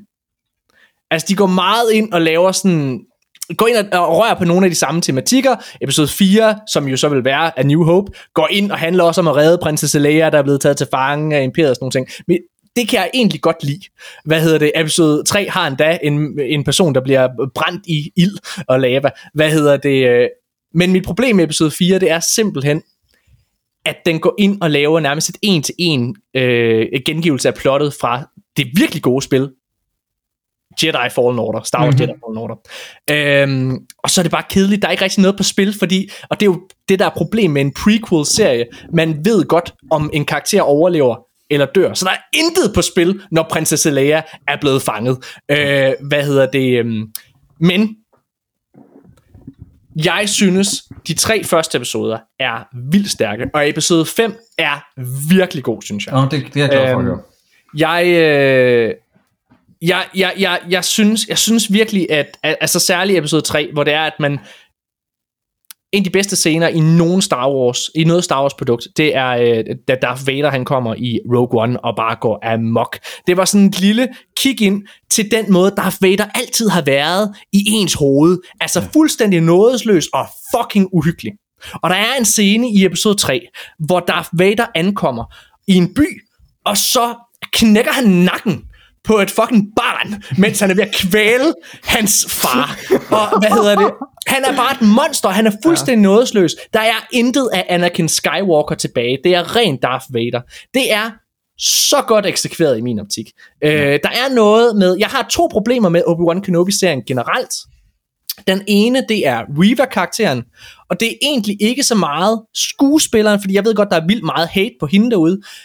Eller undskyld, det er faktisk lidt skuespilleren. Det er som om, at øh, skuespilleren, hun ikke helt har forstået, hvad for en film, øh, eller hvad for en franchise hun er med i. Hun spiller ikke som man spiller i Star Wars, synes jeg. Hvad hedder det? Desværre. Jeg, jeg, jeg, har, jeg, jeg har set hende nogle af de andre ting, hun har lavet. Queen's Gambit blandt andet. Og hun er, hun er rigtig dygtig. Der er ingenting der. Men det er som om, hun, hun fejler en lille smule. Hun viser nogle kvaliteter i episode 5, vil jeg sige. Nå, hvad det er hedder godt. det? Okay. Øh, hvor, hvor det er, hun begynder at vende tilbage. Men der er, vi er lidt tilbage, der joker noget. Hun overspiller på den forkerte måde. Og hvad hedder det? Og hun gør meget sådan, nu det kan lytterne ikke se, men det jeg gør nu, det er at knippe øjnene sammen for at se ond ud. Og det er bare sådan, det er det dårligste, man kan gøre, hvis man skal være ond. Altså, ja, men der er så mange instruktionsting, hvor jeg simpelthen kan lide det. Og nu, det er så den anden ting, jeg synes, der er dårligt ved Obi-Wan Kenobi-serien. Faktisk desværre instruktionen. Hvad hedder det? Øh, Jeg kan rigtig godt lide Deborah Chow. Jeg synes, nogle af de afsnit, hun lavede for første sæson af Mandalorian, var nogle af de bedste. Men der er simpelthen noget med action pacing. Der, det er både instruktionen, og så er det klipningen, hvor det, der er et eller andet, det er sådan lidt for langsomt det hele. Det er sådan, jeg har svært ved at sætte ord på det, men, men, men og nu kommer det så, på trods af det, på trods af, at jeg har et problem med Reva, på trods af, at jeg har et problem med instruktionen i Obi-Wan Kenobi, så er det længe siden, jeg har været så begejstret for et Star Wars, øh, en Star Wars serie. Altså vi skal okay. tilbage til, til Mandalorian. Øh, jeg, jeg synes Bo- Book of Boba Fett var okay, øh, hvad hedder det, men ikke mere end det. Øh, og øh, ja, okay, jeg, så, jeg synes faktisk egentlig Star Wars har været. Jeg, jeg tror måske det er Rise of Skywalker, der stadigvæk øh, er lidt over mit hoved. Men jeg, jeg synes Obi-Wan Kenobi er god. Jakob, hvad synes du? Jamen, vi har øh, sådan nogenlunde det samme take. Jeg er desværre blevet lidt mere og mere lunken på den her serie, som den er skrevet frem, og jo mere jeg har tænkt over den, må jeg indrømme. Altså Ja. først og fremmest, øh, øh, er det Reva, hun hedder? Er det er det? det? Jeg, Ja. jeg, jeg bliver nødt til at sige, det er simpelthen en fadese af en casting, og det er synd for alle involveret, fordi hun er simpelthen den forkerte til at spille den rolle. Ja. Øh, og det føler jeg falder tilbage på producerne og alle, øh, og selvfølgelig er der intet, der retfærdiggør den form for hate og chikane, hun har modtaget. Det er absolut afskyeligt, og, ja. og det, er, det er forfærdeligt, at de mennesker, de burde skamme sig. Men, ja. men hun er desværre skuespilsmæssigt ikke særlig god, og det irriterer mig, at de har gjort Grand Inquisition til nogle dingdongs, der virker ukoordineret, som om at de virker sådan, og det er også, du ved, jeg er lidt glad for, at de bygger videre på mytologien for Jedi Fallen Order, fordi at man får etableret, etableret Grand Inquisition der, deres look og undervandsbasen og sådan noget, og det virker som om, de er gået meget med det, og det er, det er jeg glad for at se, men der, er- der er nogle ting, der irriterer mig, så som, jeg føler ikke, Obi-Wan er særlig meget med i den her serie, der hedder Obi-Wan. Okay, det føler jeg. Jeg, jeg, jeg, jeg føler, han tager lidt et backseat i forhold til, at vi skal have lidt for mange sidespor, og nogle ting, som ikke rigtig bringer plottet videre. Jeg er irriteret over, at vi skal se Kumail Nanjiani i en scene, hvor det er sådan, altså han er jo bare efterhånden en, en komiker, der er inde i store franchises, som ikke formår at levere komik. Nej, Og det det kan det, han han, er inde, han er inde i franchises, der ikke formår at bruge det komiske geni. Ja, Der ja er, det, det er nok mere det. Øh, øh, øh, ja. Altså, og jeg, det var jeg, også noget, jeg oplevede med Eternals, øh, og nu Lige præcis. oplever jeg det her, fordi at han, er, han er skøn, men, men her fungerer han simpelthen ikke. Der er også mange ting, du ved, sådan universmæssigt, som heller ikke giver mening for mig. At Riva, hun er sådan noget med, hvad lyver du over for mig, så læser jeg lige dine tanker, ding dong. Men når hun møder Owen Lars tidligere og spørger sådan noget, "Skj- skjuler du noget for mig? Om jeg gider ikke læse dine tanker, vi ses, hvor det sådan, jamen du kunne have fundet ud af alt det, du havde brug for lige der, og det er sådan, vi får at vide, at Jedi er jæget vildt, men Kumail Nanjiani's Jedi, eller han udgiver sig for at være Jedi, hvor det er sådan, det er måske det dummeste, du kan være på det her tidspunkt i galaksen. Der, der er mange ting, og så, som allerede er blevet et meme også, de tre laserstråler, som spærrer vejen, som de ikke kan gå udenom. Du ved, i afsnit 3, der er bare så mange ting, hvor jeg sidder og tænker, fordi ligesom dig, Morten, jeg holder meget af Deborah Chow oven på de ting, jeg har set øh, hende ja. lave i Mandalorian. Jeg har en forhåbning om, at det er en second unit instruktør, der har lavet de her actionsekvenser, og det materiale, hun har fået i hånden, er så rådent, at de ikke har kunne klippe sig ud af det. Fordi den chase-scene med Lea i skoven i første afsnit, den er komisk. Hvordan de der mænd sådan langsomt løber efter hende, og hov, der er en gren, der kunne jeg lige som fuldvoksen mand ikke komme forbi, så måtte jeg gå udenom. Altså det, det er, jeg tror action, det ord, der falder mig oftest ind, når jeg ser action i den her serie, især i afsnit 4, som er, jeg er tæt på at kalde det skandaløst ringe. Jamen, det er jeg enig i.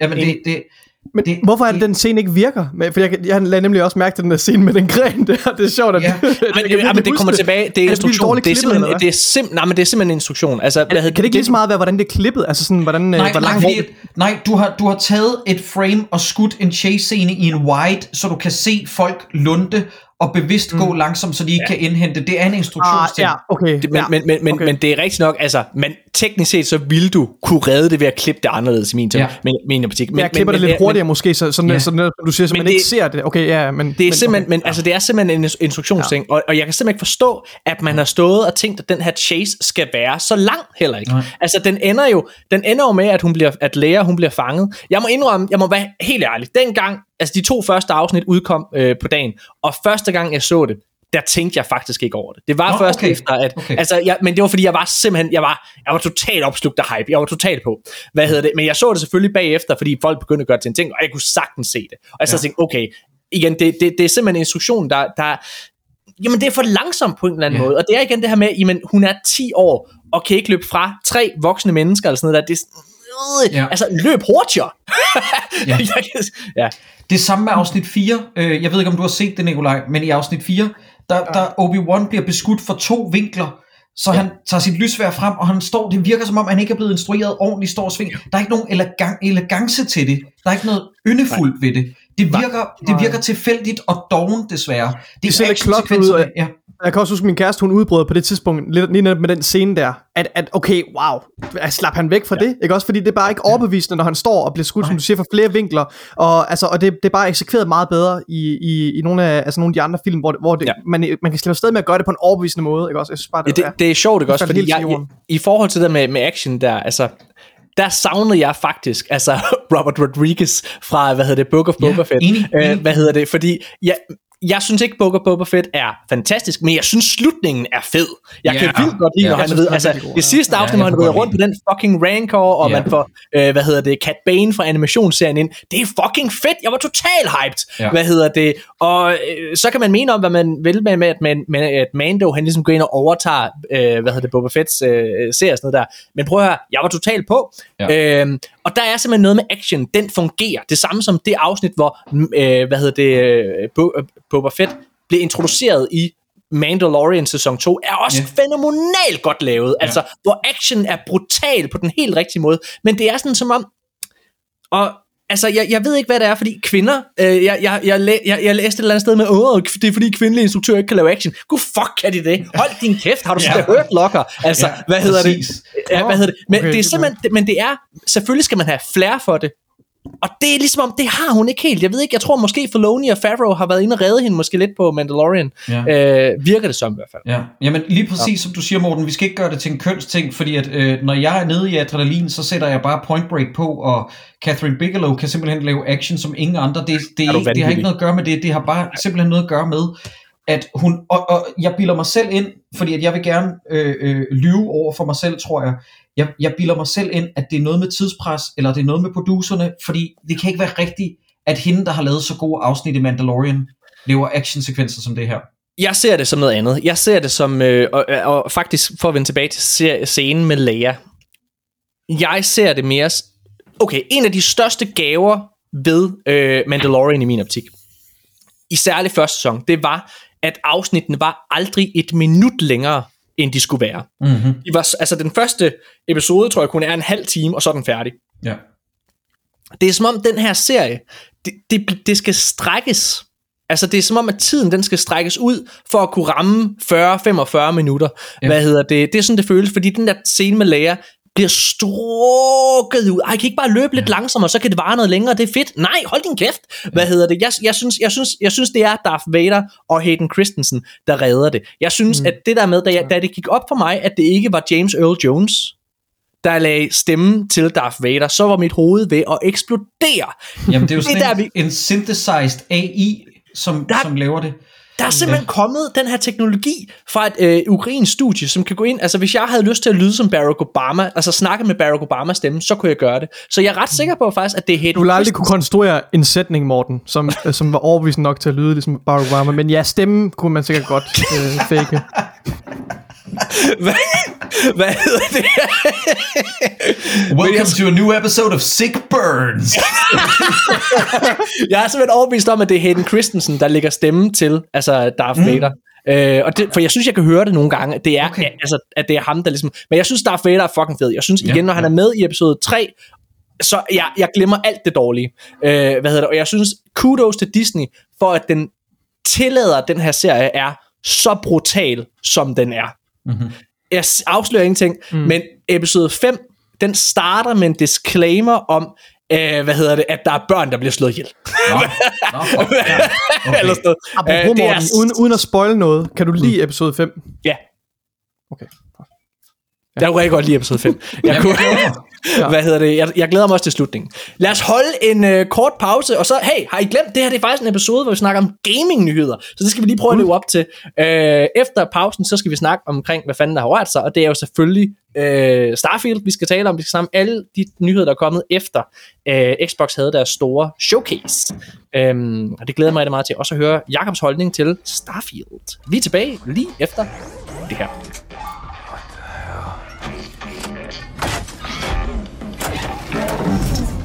See this? Something ain't right. Ja, mine damer og herrer, vi er tilbage igen, og med os har vi stadigvæk Danmarks bedste podcast slash radiovært, det sagde han, han gerne ville kaldes. altså ikke, jeg vil kaldes den bedste. Nej, nej, det var noget, jeg lige, det var noget, jeg lige tilføjede. Hvad hedder det? Jakob E. Hensen. og, Hallo, øh, hej Nikolaj, hej Morten. og, og så har vi øh, kommende Ph.D. Øh, Ej, nu stopper du. Nu stopper du. Ja, jeg vil sige... det, Kommende det, er ikke, ej, det er ikke noget, man kan reklamere med i den her sammenhæng, Morten. Oh, ja. Ja, hvad hedder det? Vi skal snakke omkring gaming nu, og øh, jeg har givet øh, Jakob og Nikolaj lektier for, jeg skal sige, jeg har givet Nikolaj lektier for, men han havde faktisk glemt det, lige inden vi startede med at optage. Men jeg, så, Nikolaj, han er totalt skidt på de der lektier der. Det, ja, så det er også derfor, jeg tænker, at altså, prøv at, nu, nu skal vi være glade for, at han startede på Ph.D., fordi let's face it, den kommer han ikke til at klare. Ej. Så hvad er det? Åh, oh, skulle jeg have forsket noget til i dag? Uh, skulle jeg have forsket til i dag? Har I set kitlen? Den er der stadigvæk. Ja, det er godt, Nikolaj. Skål med dig. hvad hedder det? Vi, øh, vi laver en top 3 over de spil, der kommer i 22, altså fra nu af, øh, som vi ser allermest frem til. For det har jo været sådan lidt sjovt år. Jo, jo, der har der været Elden Ring og øh, Horizon Forbidden West, men, men, men der har jo ikke været de her altså kæmpe store øh, titler, og nu øh, Starfield og øh, øh, hvad hedder det, Arcane's Redfall er jo også blevet udskudt til næste år, øh, første halvdel af næste år. Så, så hvad er der tilbage? Så nu har vi prøvet at lave sådan en, en top 3 år. Hvad fanden glæder vi os egentlig til? Og øh, Nikolaj, fordi du har glemt at lave lektier, så får du lov til at starte Yes. Ej, hvor med godt. din tredje plads. Oh, det bliver en til dels øh, meget øh, forudsigelig øh, og kedelig liste, jeg har. Øh, men på min tredje plads, der har jeg øh, A Plague Tale Requiem, som, øh, som du, Morten, overhovedet ikke af en eller anden årsag er interesseret i. Mm. Øh, men jeg øh, synes faktisk, øh, den så, øh, det så virkelig, virkelig godt ud, det gameplay, vi så. Jeg var helt tosset med det første spil, øh, og har siden da glædet mig til at, at få øh, efterfølgeren. Jeg synes, øh, det her Sobo-studie er enormt øh, kompetente, og øh, det er bare et all-round øh, fremragende øh, godt spil. Øh, så det er jeg meget, meget spændt på at se, hvilken retning de tager, de her to mm. karakterer. Øh, for det er en meget sådan, og jeg- det, alt peger på, at de, de tager den en meget mere dyster øh, retning, øh, og det synes jeg bare er super fedt, for det er det, der gør det første spil øh, så fedt også. ved ikke, Jeg har været inde og downloade det Øh, første på, Plague på? Game Pass, vil jeg bare lige sige. Ja. Øh, så altså, jeg skal nok få det spillet, men nej, jeg er ikke super hyped. Har du spillet Plague Tale? Jacob? Øh, ja, øh, jeg anmeldte i Hondurum i sin tid, og det sjove er, at Mm. jeg hentede det faktisk for nylig, fordi det var vist nok på Game Pass på Xbox. Mhm. Øh, og så spillede jeg det igen. Har du og jeg fået synes, en Xbox? Ja, det har jeg. øh, og øh, jeg er mægtig glad for den, og jeg ved ikke, hvor Xbox har været hele mit liv.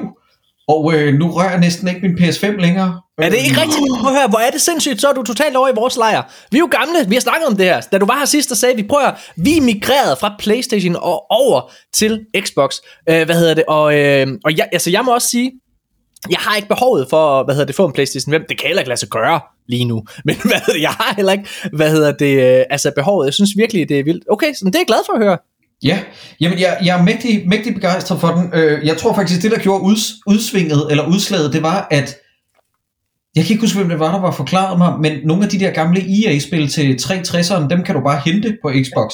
Øh, ja. Og så lige pludselig, så var jeg sådan, vent, så jeg kan spille Max Payne 3 igen. Og det var det, der gjorde øh, udslaget. Så jeg hentede den, og nu har jeg fået spillet øh, alle mulige spil, som jeg ikke har spillet i mange, mange år. Ja. Øh, altså jeg, og det kommer min liste også til at bære præg af, jeg fik hentet og spillet Dead Space igen.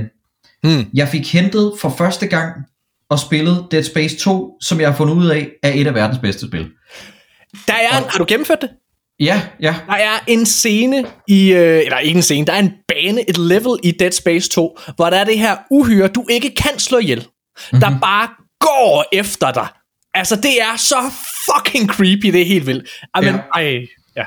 Og så fik jeg hentet Dead Space 3 og øh, spillet igen for første gang, siden jeg anmeldte det til Troldspejlet og fandt ud af, øh, for en gang skyld, I was 100% right, det er ikke et særligt godt spil. Ej, det er lort. Øh, det er heller ikke lavet det samme studie. Nej, nej, men det er jo det, det øh, og det var jo også EA, øh, som var sådan, hey, kan vi gøre det mere shooter-agtigt, og hvad med, øh, du ved, sådan noget The Thing-monster, hvad med bare med mennesker, ja. med guns? Ej, men det, det, det, slutningen i Dead Space 3 er simpelthen så frustrerende, fordi det er, indtil da 1'eren og 2'eren, jeg kan ikke understrege nok, hvor mageløs gode de er. Undskyld, det var et langt sidespor. Jeg har spillet, det jeg vil sige med det, det er, at jeg hentede faktisk lige øh, det første af Plague Tale. Ja, ja. Øh, det, var, det var så det, der hed Innocence, ikke? Innocence, ja. Ja, øh, og spillede det igen her for nylig. Og øh, det var et okay øh, gensyn. Der var nogle af scenerne, som var så gode, som jeg huskede det, men historien var ikke helt inde at ramme mig øh, på den måde, som første gang jeg spillede det. Jeg kan stadig overvejende godt lide det, og det er faktisk en af mine honorable mentions, øh, øh, det her Requiem. Øh, og, og også fordi, at jeg er så glad for, at der er et studie, der tager to ting op, som jeg holder så meget af, nemlig den mørke middelalder Mm. og rotter. Øh, det er, det er, rotter. Øh, rotter er jo mit Mange kryptonit. Øh, rigtig mange rotter rotter. Mit, øh, jeg, har jo, jeg har jo panisk angst over for rotter. Okay. Så øh, at der er et spil, der øh, gør dem til, til skurken, mm. det, der er sådan, det er fandme godt set, fordi folk de er klamme, og jeg vil ikke ja. have noget at gøre med dem. Øh, det eneste, jeg synes, der er decideret åndssvagt, øh, og det må du også være med på, på Jumbo Tam Tam, Nikolaj, Mhm. det er øh, slutbossen i det første af Plague Tale er decideret åndssvagt. Altså, du ved, øh, søjlerne med rotter, og øh, øh, altså det er ren Metal Gear. Øh, øh, Pavemanden der, eller hvad? Ja, ja. Ej, det er da okay. Synes du, det er Ej, dårligt? ej, der kommer flammende rottetorpedoer, ja. som du sender ind.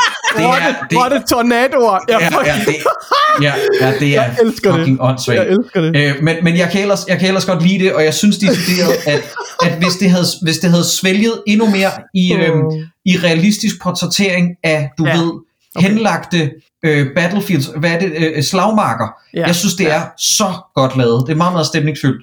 Ja, den okay. boss fight clasher måske lidt med det. Den der realistiske, sådan Ja, mørke ja. skildring. Ja, det kan jeg godt følge. Ja. Jakob, det kommer er toren nok din, også øh, til. Der, der er i hvert fald en scene med en tsunami af rotter, der, der bryder igennem øh, nogle gader. Men, øh, men det er jo ja. Imponerende, at de kan have så mange rotter på skærmen på samme tid. Det er jo flot. I den God grad, ja. Jakob, hvad er på øh, din tredje plads, og det spil, du glæder dig mest til i år? Jamen, jeg bliver nødt til at være that guy så. Øh, hvis det kommer til at ske, og hvis I siger, Jakob, det er ikke blevet offentliggjort endnu, så det gælder ikke. Men hvis vi nu siger, at God of War Ragnarok udkommer i år, så er det på min tredje plads. Ja. Og det vilde er, at det ikke er højere rangeret. Det er jeg faktisk lidt skuffet over mm. med mig selv. Øh, jeg er skuffet over mig. Cory Barlog, hvis du lytter med, undskyld. Jeg ved ikke, hvorfor jeg ikke er mere psyched over ideen om et... Det er for det første, fordi at Cory er Barlog ikke noget med- Barlog. rigtigt med det spil at gøre jo. Nej, Nej. og det er, også, det er også noget forfærdeligt. Øh, men, men prøv at høre. Det, jeg synes, at God of War, det første underforstået, det er fra 2018, øhm, er et mesterværk. Der var ikke nogen, der troede mindre på det end mig. Øh, jeg tænkte, det her det bliver et forfærdeligt The Last of Us knock-off, øhm, og, og alt, alt blev gjort til skamme. Det var, øh, det var medrivende, og det var smukt, og der er alligevel et eller andet i det visuelle, æstetiske udtryk, hvor det ser lidt for arcade ud. Øh, det, de footage, jeg har set, hvor han rider rundt på sin, er det sådan en slædehund ekspres, øhm, øh, øh, hvad den hedder, Kratos og, og, og søn. Der er et eller andet ved det, jeg kan ikke helt sætte min finger på det, men der er noget, hvor jeg er bange for, at det bliver lidt for meget øh, open world på den dårlige Far Cry-agtige måde. Det er, okay. mine, det er mine bange anelser. Jeg håber igen, jeg bliver gjort til skamme, og historien gentager sig, og jeg bliver væltet om kul. Men, men lige siden, at jeg gennemførte etteren, og jeg fandt den der hemmelige slutning i etteren, og etteren igen lytter forstås jo som øh, 2018-udgaven, og jeg fandt den der hemmelige slutning med, at du går tilbage og sover i dit hus, og Thor står ude foran og er sådan, hey motherfucker, skal vi battle? Hvor jeg var sådan, okay, den her cliffhanger gør, jeg vil have spillet nu.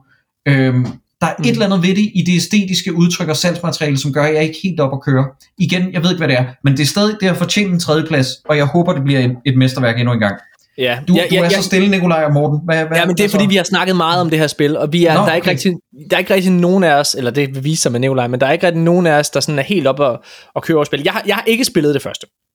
Okay. Jeg ved, jeg ved, jeg, jeg ved det godt. Jeg, ved, jeg, jeg har bare aldrig rigtig taget mig sammen til det. Jeg har, ikke, jeg har, ikke, jeg har det endda på en øh, disk, og jeg har stadig ikke sat det i min PlayStation 4. Vildt. Øh, men, ja. men ja, jeg ved ikke, hvad det er. Jeg tror bare, jeg, jeg har spillet de første originale God of War-spiller. Det sagde mig bare ikke noget. Men særligt den her trailer, eller det PR-materiale, der har været ude til den, som du er inde på, det ligner og det er ikke fordi DLC'er ikke kan være gode, men det ligner en DLC. Der, Ja, det har ja. ikke den samme grafiske, øh, hvad hedder det, øh, det er ikke lige så grafisk imponerende, som det første spil var, da det kom ud. Og så virker det, altså historien virker bare bland og klichéfyldt ud fra mm-hmm. det, der har været vist.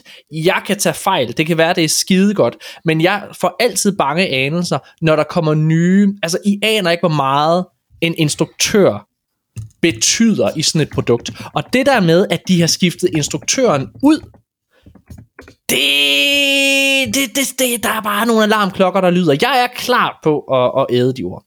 Ja, ja. Min tredje plads, det er øh, High on Life. High on Life blev øh, vist frem til øh, Xbox øh, Showcase. Det kommer på Game Pass her til, øh, til oktober. Og øh, det er det her spil, der er lavet af, øh, af, af den ene part bag Rick and Morty. Øh, og jeg kan simpelthen ikke huske hans øh, navn, desværre. Øh, men det ser hysterisk morsomt ud. Har du set traileren til det her spil, øh, Jakob? Nej, overhovedet ikke. Jeg sidder lige og googler øh, billeder nu, øhm, Okay. fordi det, det siger mig absolut ingenting. Så den, den her trailer, da den løb over skærmen der til det her, øh, til den her game, øh, ja, Xbox Showcase her, der, til at starte med, mig og Nikolaj havde det på samme måde, vi var sådan, ej, okay, det ser nederen ud, vi sad og så det sammen fysisk, men mm.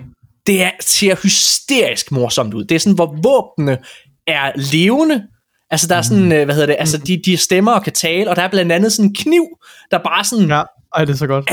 der bare sådan elsker at stabbe folk. Mm. Altså det ser så sjovt ud, det er jeg totalt på. Det er helt Er klart det også Justin Roiland, der ligger stemme til, til figurerne? til nogen af dem, ja.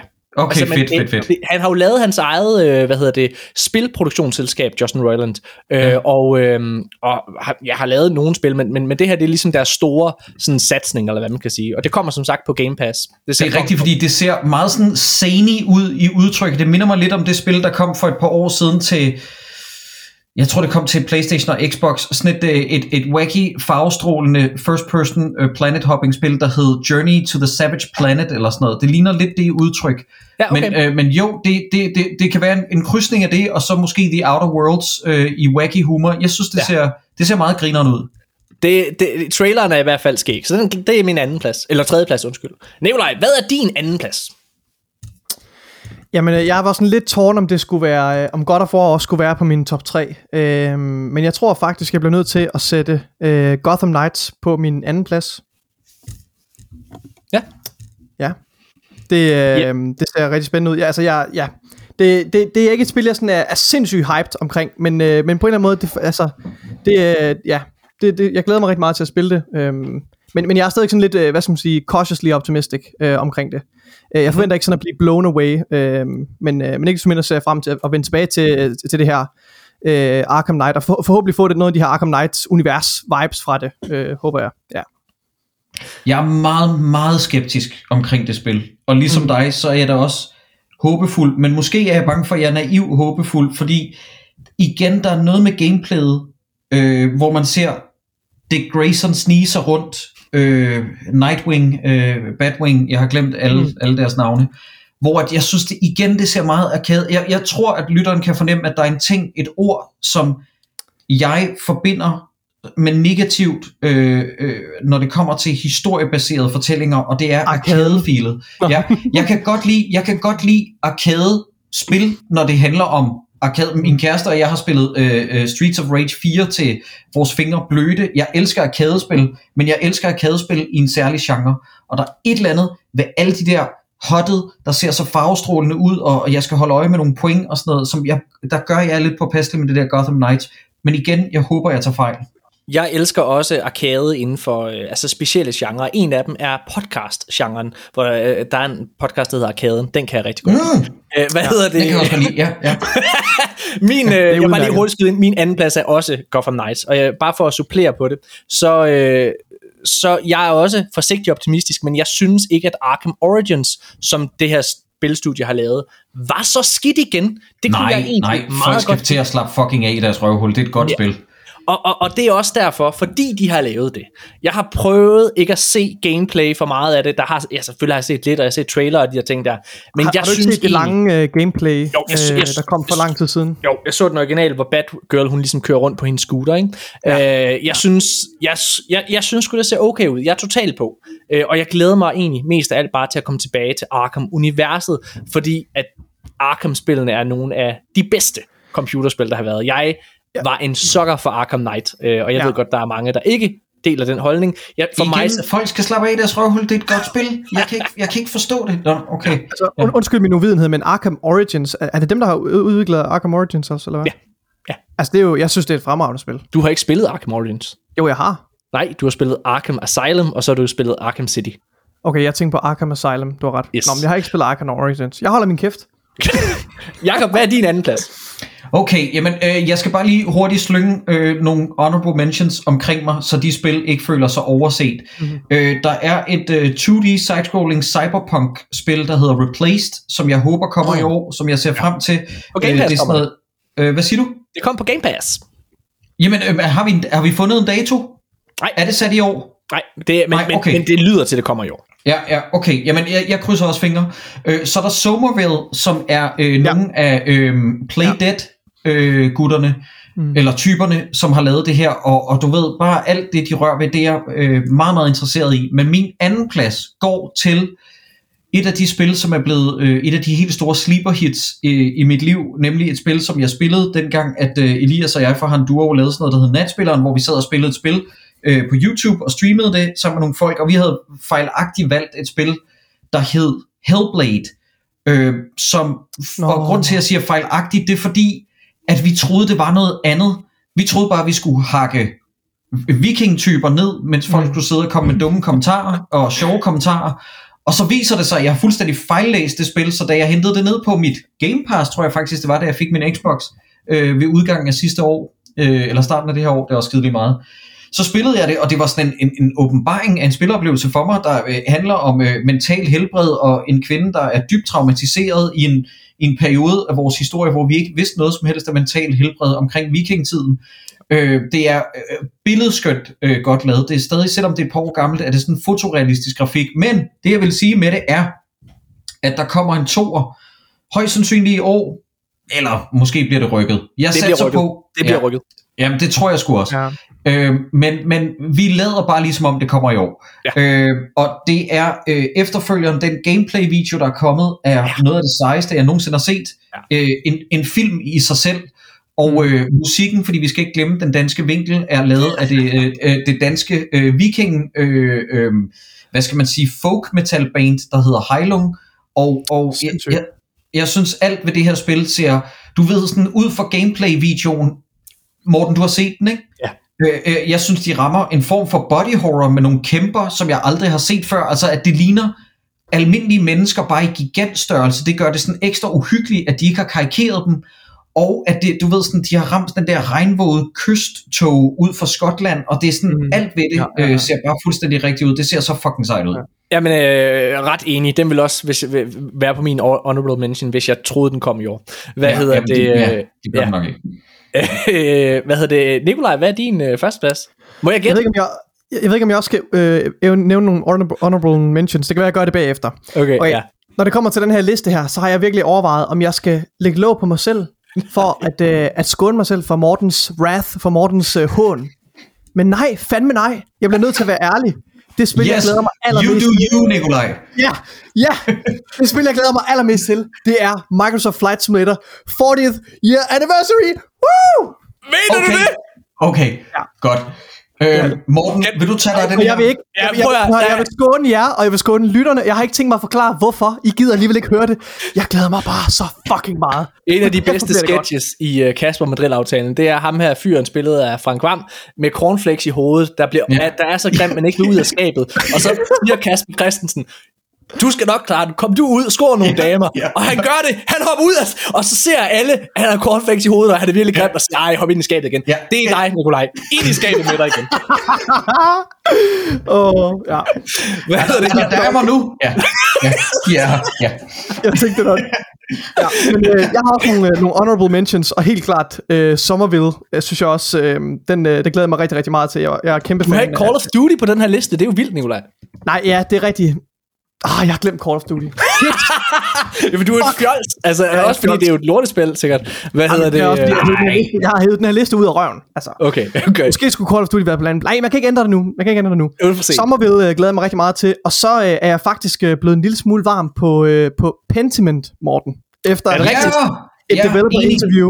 Jeg synes, det ser virkelig, virkelig spændende ud, virkelig intriguing ud. Det kan godt være, at det ikke er en, øh, en, øh, en The Last of Us, Morten Urup, men øh, altså, prøv, prøv lige at, at se det der developer interview, der er, og så prøv at, at, at følge lidt med. Jeg synes faktisk, det ser rigtig spændende ud. Der er, det er jo sådan et, øh, hvad hedder det, et mormysterie, der foregår øh, på det her gamle kloster, også hvor man skal, man skal rundt og, og snakke med alle mulige mennesker og finde øh, ledetråde, og det strækker sig over flere år og sådan noget. Jeg synes, det, prøv at, jeg, jeg er solgt. Jeg synes, det ser virkelig fedt ud. Okay. Det ser pisse sejt ud, og de har lavet det sådan en form for bayeux-tapetet øh, art style. Ja. Øh, det ligner sådan, ja. Rosens navn møder et point-and-click adventure-spil. Det, ja. det er mit crack. Øh, jeg, er, jeg, er total, jeg er total på. Ja. Ja. ja. Jamen, det er rigtigt. Altså både Somerville og, øh, og Pentiment kommer jo på, på Game Pass, øh, hvad hedder det snart. Øhm, Og så har jeg Jacob, en hvad til- er din? Ja, jeg har en sidste en, og det er okay. uh, As Dusk Falls. Øh, ja, lidt. historiedrevet spil, Ja. ja. øh, hvor de, jeg, hvad hedder den? Ja, I må hjælpe mig. Hvad hedder den? Jamen, der det er jo? Telltale-genren. Hvad hedder det? Det er Telltale-genren, ja. men hvad hedder stilen? Øh, Det har et bestemt navn, den der måde, hvor Er man... det rotoscoping? Ja, lige præcis. Rotoscoping. Jeg, jeg, det er Ja. første gang, jeg hører det begreb, og det er første gang, jeg, jeg stifter bekendtskab med det. Øh, men jeg synes, det ser virkelig, virkelig flot Mm. ud, øh, og jeg, jeg glæder mig til at, at, og, hvad hedder det, at opleve den her historie. De har jo lavet sig inspirere blandt andet af, af Breaking Bad, altså og så videre for at lave det her grounded øh, drama og sådan noget. Jeg synes, det ser fucking fedt ud. Ja. Ja. Jakob E. Hensley, hvad er din første plads? Hvad glæder du dig allermest til? Jamen, øh, jeg prøvede jo lige så stille at flette det ind i samtalen tidligere, og øh, min kærlighed til Dead Space, den vil ingen ende tage. øh, så når Glenn Schofield, han offentliggør, at øh, der kommer en åndelig efterfølger, som de nu har været ude og groft understrege i det her spilstudie, at det har ikke noget at gøre med Dead Space-univers alligevel. Øh, men Glenn Schofield, der var med til at lave de første to Dead Space, han laver et nyt psykologisk body horror gyserspil, der kommer den 2. december, mener jeg, der hedder The Callisto Protocol. Og den, den gameplay video ramte lige ind i mit store, dunkende tank control survival horror hjerte. I løbet af øh, øh, det halve år der fra den 2. december, der vil jeg bare lige sige, at de næste måneder frem, der får vi, udover at vi får Callisto Protocol, så får vi Dead Space remaken i starten af næste år, og så får vi Resident Evil 4 remaken. Det er øh, spil, som betyder vildt meget for mig, så, så, øh, så det er jeg rigtig glad for. Men Callisto Protocol er bare et gyserspil sat på en rumstation. Det, det er jeg heller ikke så interesseret i. Det ser bare, den gameplay-video, dreng, I må lige bakke mig op her, det ser så nøjeren ud.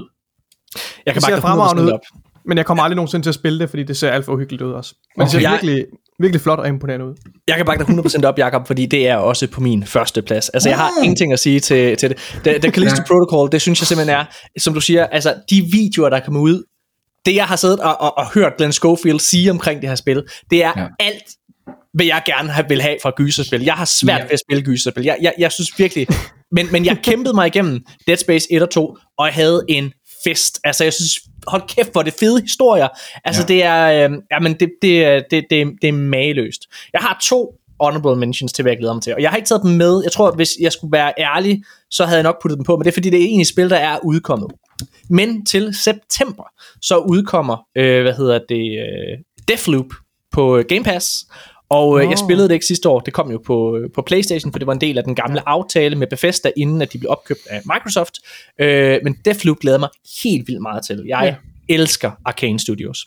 Mm. Øhm, og så, øh, så glæder jeg mig også rigtig, rigtig, rigtig meget til, øh, hvad hedder det der spil? Øh, bum, bum, bum. Red mig. Okay, snak om noget andet. Nu har jeg glemt det. det er. Okay, så kan jeg lige komme med en, øh, en lille honorable mention. Øh, jeg er måske øh, ved at tage lovligt fejl nu, men jeg er ret sikker på, at Oxenfree 2 Lost Signals når at komme i år. Øh, Oxenfree er jo Altså det første spil, synes jeg, er et mesterværk, som er Stranger Things-agtig med øh, en, en række unge, der tager hen til en ø øh, og skal holde en fuldemandsfest, og så finder ud af, at når de justerer sig ind på nogle radiosignaler, så kan de, du ved, kommunikere med de døde. Så det er form for science fiction, det er form for gys, og øh, at de vender tilbage til Oxenfree-universet med at lave toeren, der hedder Lost Signals, og jeg mener, det kommer i år. Det betyder, at det er en tilbagevending til deres storhedstid. Øh, det første kom i 16 eller 17, så har de lavet et spil ind imellem, der handler om, at man skal drikke satan under bordet, der hedder After Party, som er ret sjov, men, men slet ikke lige så godt, selvom øh, universet var ret sjovt tænkt. Øhm, og så er der et andet spil, hvis jeg lige må komme med endnu en honorable mention. Yes. Øhm, jeg er nemlig ikke helt øh, 100 på, at det når at udkomme på en konsol, men den tidligere PC exclusive, det der hedder Inscription, har været rygtet til at komme i en konsolversion, og jeg håber det kommer inden året er om. Inscription er sådan et kortbaseret gyserspil, som tog hele verden med storm sidste år øh, på PC, øh, så okay. det håber jeg kommer til at spille. Jeg har i mellemtiden husket, hvad min øh, anden honorable mention er, og det er Persona 5. Der er blevet Ah. annonceret til at komme. Øh, de har øh, Atlas, som ellers øh, indtil nu kun er, har ladet der spil udkomme i Persona-franchisen på Playstation. De har simpelthen øh, droppet eksklusivitet-aftalen, og nu kommer det hele over på øh, Xbox og Game Pass øh, snart. Så hvad hedder det? Persona 5 tror jeg mig aldrig sammen til at købe på Playstation, men, øh, men, men jeg skal helt klart downloade den på Game Pass. Så det glæder jeg mig rigtig meget til. Ja, det var, øh, det var sådan Må en jeg lille droppe- hurtig... Øh, Må jeg droppe Ja. en mere? ja, giv lukker. Ja, ja. Pokémon Scarlet and Violet Ej, på Switch. Niks. Nej, nej, Jo, nej, nej, jo. nej. Hvad hedder det? Lad os, øh, lad os gå. Hvor- jeg synes, jeg har virkelig kæmpet. Jeg har, jeg har, jeg, har givet, jeg har prøvet at, øh, hvad hedder det, at, at tvinge min datter til at blive en gamer, og det lykkes rigtig, rigtig godt. Så jeg har købt en Nintendo Switch, og der, hun sidder blandt andet og spiller det der, der hedder Pokémon Sword and Shield lige nu. Øh, Og jeg har jo prøvet, jeg har virkelig prøvet, men jeg har et problem med Nintendo. Det er simpelthen for børnet. Det er simpelthen for børnet til mig. Jeg Det kan det ikke. det er jeg, men- jeg, jeg kan jeg slet ikke forstå, ja. de mennesker, der hungrer efter kun Nintendo-spil, er gjort af et specielt stof. Og Ja. ja. det er ikke en men, altså det er simpelthen ikke, øh, ja, de, de, det, hvis den Mars nogensinde skal prøve at kolonisere, så sk- smid dem derover. Der, der er et eller andet øh, problem. jeg, jeg synes, øh, Prøv at Ja, Pokémon, ja, det det, kan jeg det, det er ligesom crack, Morten. Altså, det er... nej, men så spil Persona, fordi Persona, det er Pokémon for voksne. Jo, ej, der kan du også knalde nogle damer og sådan noget der. Det er rigtig, rigtig fedt. Jamen, det er slet ikke til Øh, sådan noget. Jo, jo, det er nice. Eller mænd, hvis du vil det. Okay.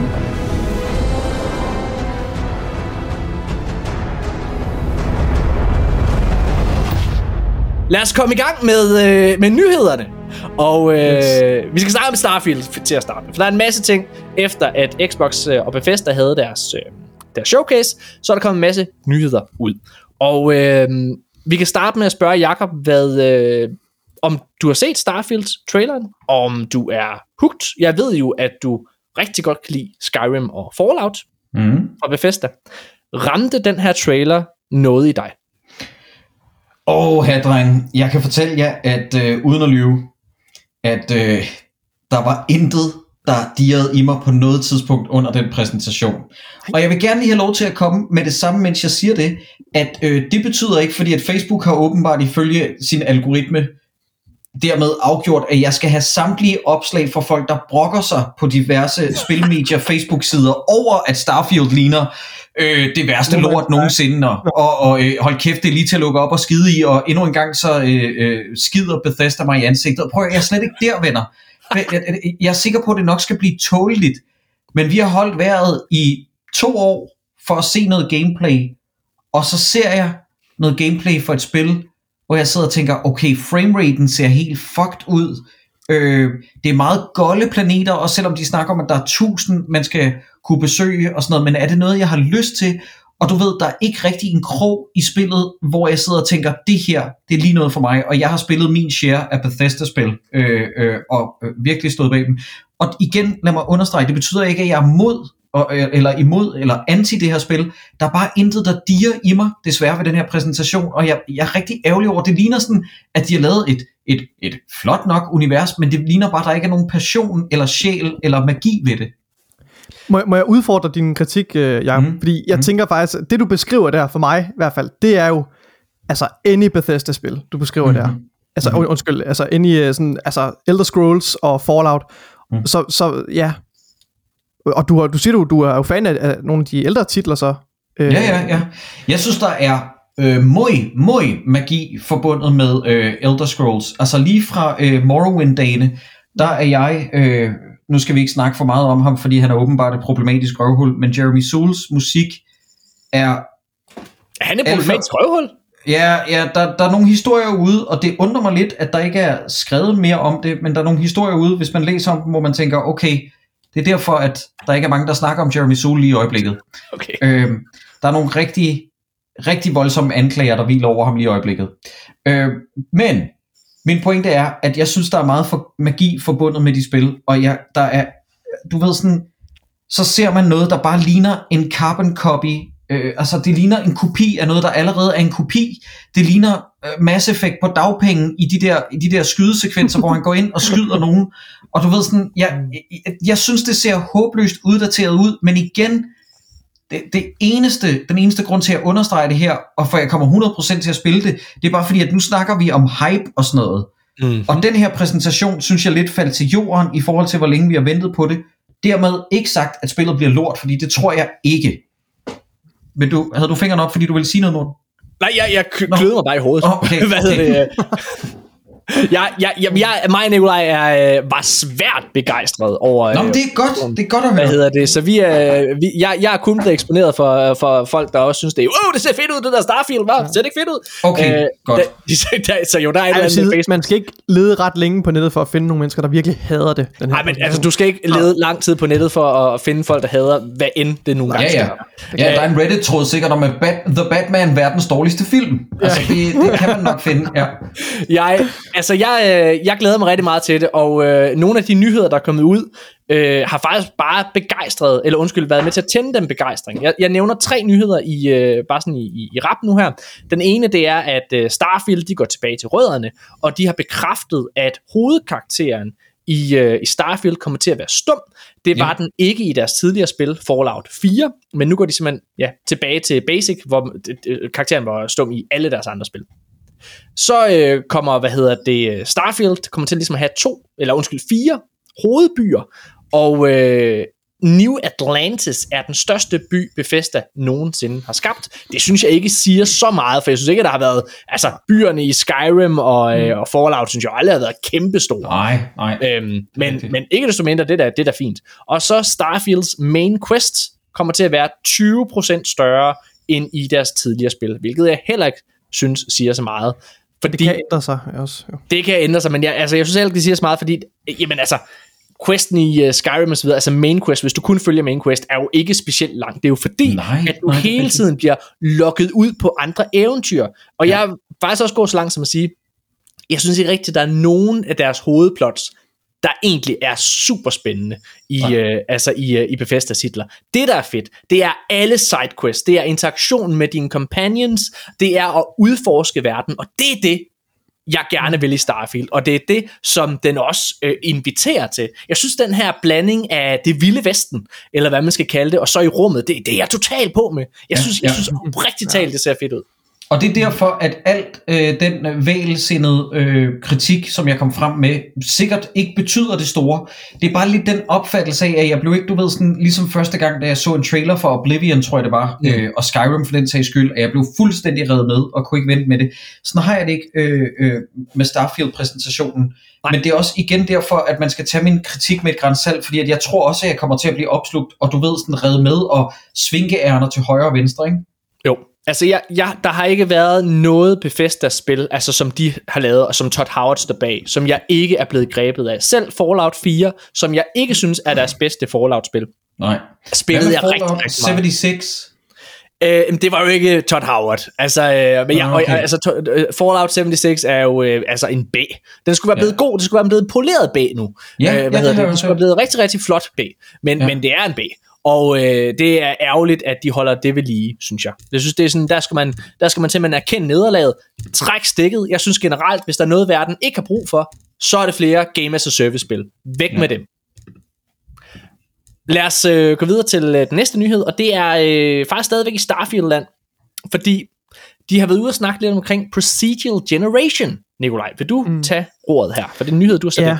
Ja, for det er helt sikkert et, et af de elementer, der har genereret flest omtale her i kølvandet på, øh, på, annon- på annoncering af, af Starfield. Øhm, og det er det her med, at der jo er tusindvis af planeter, destinationer, du kan besøge. Ja. Og du kan lande hvor som helst på en planet. Altså, det er nogle virkelig, virkelig øh, store løfter. Øh, og, og det kan jo kun lade sig gøre, tænker jeg, med, med, med procedural generation. Ligesom man har gjort i øh, andre titler som No Man's Sky eller Star Citizen. Øhm, og, og, og, men jeg samtidig også lidt usikker på, hvordan de har tænkt sig at bære ad med, om det bare er ligesom i No Man's Sky og, øh, og hvad hedder det, øh, og hvad hedder det, øhm, og Star Citizen, men jeg er ikke rigtig blevet så meget klogere på det, fordi jeg synes, det er mange, nogle meget vage detaljer, som Todd Howard øh, øh, deler. Jeg ved ikke, hvor meget vi skal gå ned i det. Øh, kan men, snakke om, at han, øh, han har været ude at sige i den her artikel, du linker til, der har han været ude at Ja. sige, at øh, Procedural Generation jo ikke er en ny ting for øh, Bethesda. Nej, det, det er det overhovedet ikke. Og det er jo noget, de har brugt rigtig meget, både Ja. i Skyrim, siger han, og så refererer han rigtig meget til øh, det, der hed øh, Elder. Scrolls Daggerfall. Lige Elder Scrolls tror jeg. 2, ja, som er Ja, ja. Øh, hvad hedder det? Og jeg må indrømme, der er mange, der har været ude at sammenligne øh, hvad hedder det, Starfield med No Man's Sky. Det ser jeg ikke mm. som en kritik af det. Fordi Nej. jeg synes faktisk, No Man's Sky ser rigtig fed ud. Jeg har ikke selv prøvet kræfter med det, men det er fordi, der mangler en historie. Og hvis jeg kunne få, altså igen, quests og hvad hedder det, og gunplay og fjender og skyde og sådan noget i No Man's Sky, så tror jeg, det vil være altså spillet, jeg spillede. Så jeg er No Man's Sky er jo space-nørdens våde drøm. Altså. Ja. ideen, konceptet bag No Man's Sky, er jo, altså, så, så, så, og, og det er det, de har lånt jo, øh, og la, eller lavet sig inspireret af, kan man sige, ja. I Starfield. Ja. Øh, så jeg synes også kun, det er en, øh, hvad hedder det, øh, en positivt, at den sammenligning bliver, bliver lavet. Men jeg ved godt, det bliver brugt i en anden sammenhæng, når det er. Ja. Øh, men ja, det er rigtigt. Altså Bethesda har brugt det øh, virkelig meget af deres andre RPG-spil til at, at give deres udviklere sådan et groft udgangspunkt, når det kommer til at generere. Altså så bruger de procedural ja. generation til at generere de her kæmpe store kort, og så går der nogle designer ind bagefter og, og laver nogle, nogle finjusteringer og, og placerer nogle, nogle forskellige assets, så det ikke, altså for ligesom at hjælpe algoritmen lidt på vej og for at generere nogle interessante omgivelser. Mm. Øh, og der har Todd Howard også været ude og sådan berolige lidt og sige, at, øh, at de jo altså har, har været rigtig meget inde over her, øh, og brugt rekord meget tid øh, på at, at lave altså handcrafted øh, destinationer, på trods af, at de har brugt det her procedural øh, generation rigtig meget. Øh, men, men det lyder også lidt på, som om i det her interview, at der også kommer til at være nogle lokationer, hvor du ikke rigtig finder så meget. Ja. Altså nogle planeter, der rent faktisk bare er mere eller mindre altså golde, øh, kedelige øh, ismåner, der ligger, øh, der ligger for langt, der ligger ude af, af, af den gyldne zone, hvor der ikke øh, kan bære noget liv, hvor du Ja. måske ikke rigtig finder særlig meget. Jeg nægter at tro på, tror jeg, fordi det er jo sådan, man kan godt, man kan godt frygte, at, øh, at Bethesda ligesom tager munden for fuld, eller hvad man skal sige, med det her procedural Ja. ja. generation, at de gør det her univers så stort. Men, men jeg, jeg tror simpelthen på Todd Howard. Jeg tror på, at han har Ja. arbejdet på det her spil i så mange år, og jeg synes, at Todd Howard er et geni Så jeg nægter simpelthen at tro på, at det her spil det bliver dårligt. Og jeg, altså, det er også derfor, jeg kører med på den her, når han sidder og taler øh, altså, øh, hvad kan man sige, begejstret omkring det her. Og når jeg, jeg tror også på Phil Spencer. Og når Phil Spencer, han, han har været ude i et interview også og siger, at han tror, at det her det bliver det bedste spil, øh, hvad hedder det, Bethesda har lavet. Det her spil var med til at gøre, at Xbox købte, øh, hvad hedder det, Bethesda i sin tid. Så jeg tror på, at det her det bliver konge. Øh, jeg tror på, at Phil Spencer, han har siddet og spillet det her og tænkt, holy fuck, this is gold. Mm. Jakob, har du noget at supplere med? Men hvorfor, dreng, hvis jeg skal lege den kritiske journalist, hvor, hvorfor er det her så ikke på jeres top 3 over det, vi mest venter på? Fordi det kun er i år, og det her det kommer næste år. Hvis det her det var... øh, Nå ja, hedder det, undskyld, ja, 2000, ja. ja, hvis det havde, 2023 havde været med, så havde Jamen, det her lagt i toppen. På første Ja, okay, okay. Nå, men det er godt. Øhm, ja. Jeg, Må jeg tilføje en øh, enkelt ting, inden vi går videre? ja, jeg tak. fandt ud af, at uh, Skyrim sågar havde procedurally generated quests, hvilket jeg, t- altså, med, med det samme, en meget, meget frastødende tanke. Fordi så tænker jeg jo bare, altså ligegyldige fetch quests og så videre.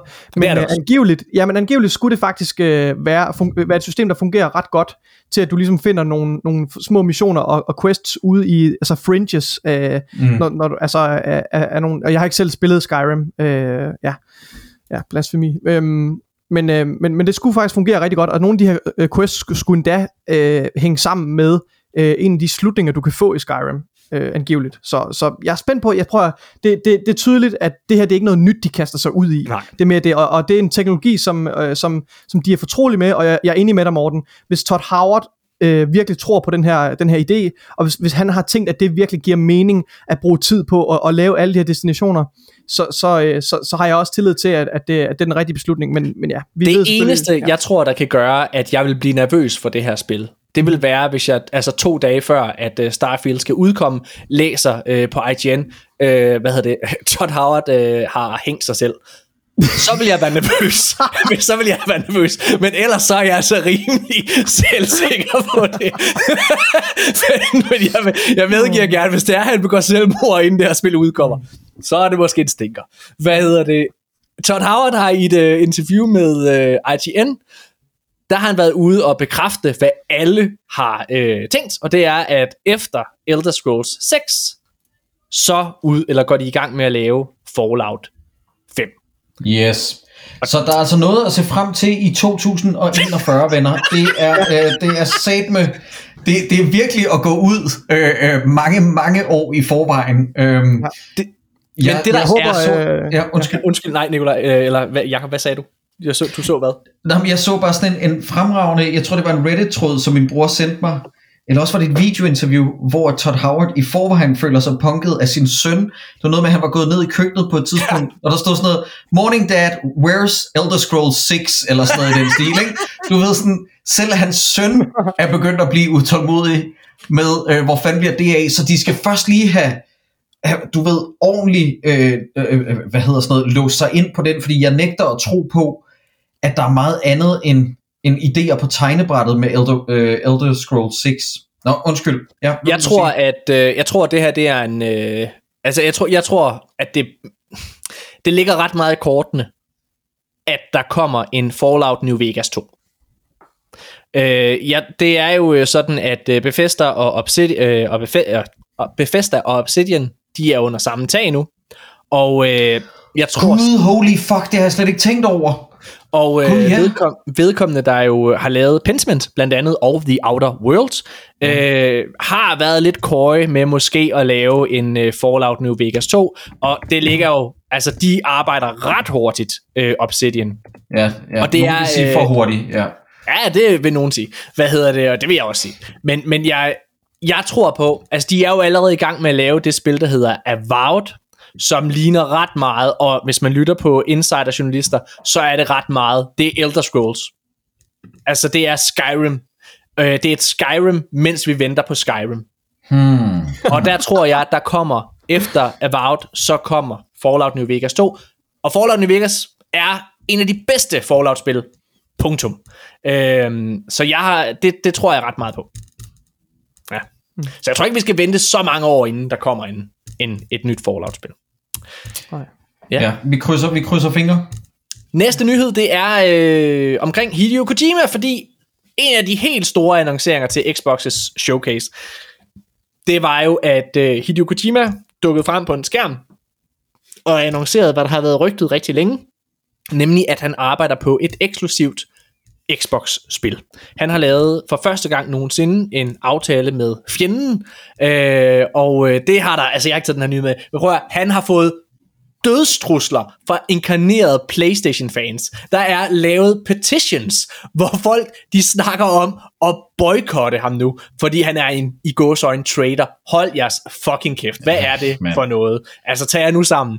Jeg, øh, jeg synes, det er spændende. Jeg er ikke den helt store Hideo Kojima-mand, men, øh, men, men, men det er spændende. Han har været ude, fordi der har været hele det her backlash her. Så har han været ude ligesom at sige, hey, bare rolig, jeg har altså stadigvæk et godt forhold til PlayStation, øh, og arbejder stadigvæk sammen med dem også på andre ting, ikke? Så altså, han er jo bare et tredjeparts studie nu, ikke? Det, ja, jeg synes, det er spændende.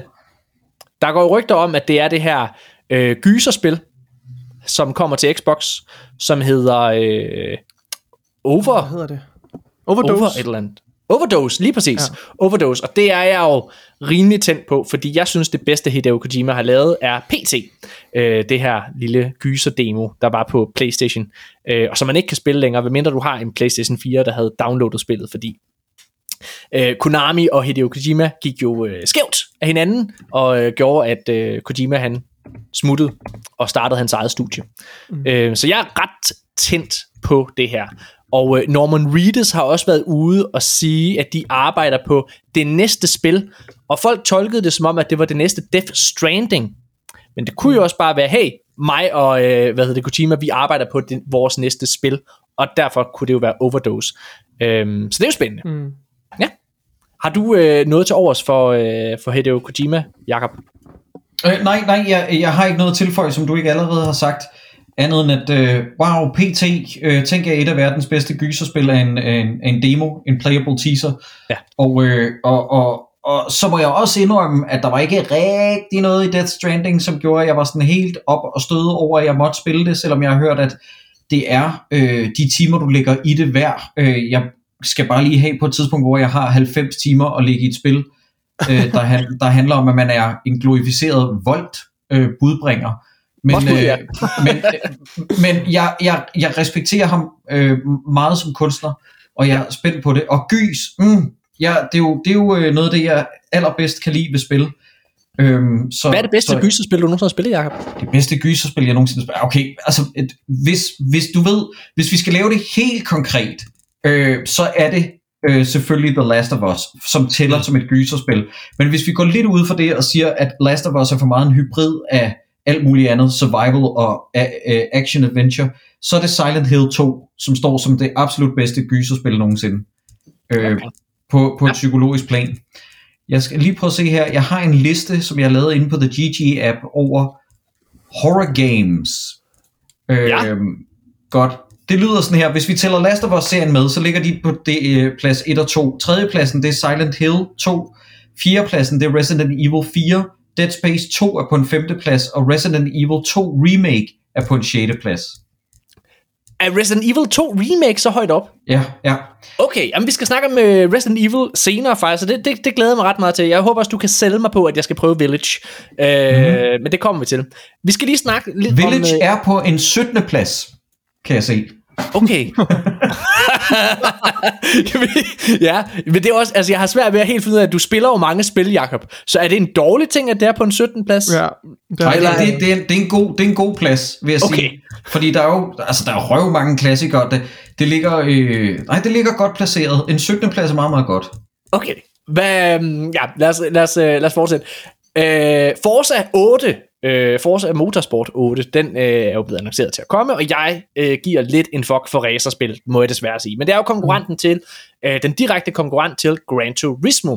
Og øh, folk var jo sådan lidt øh, uimponeret grafisk over Gran Turismo 7, der udkom her, hvor øh, der ikke var ray tracing og alle de her ting med.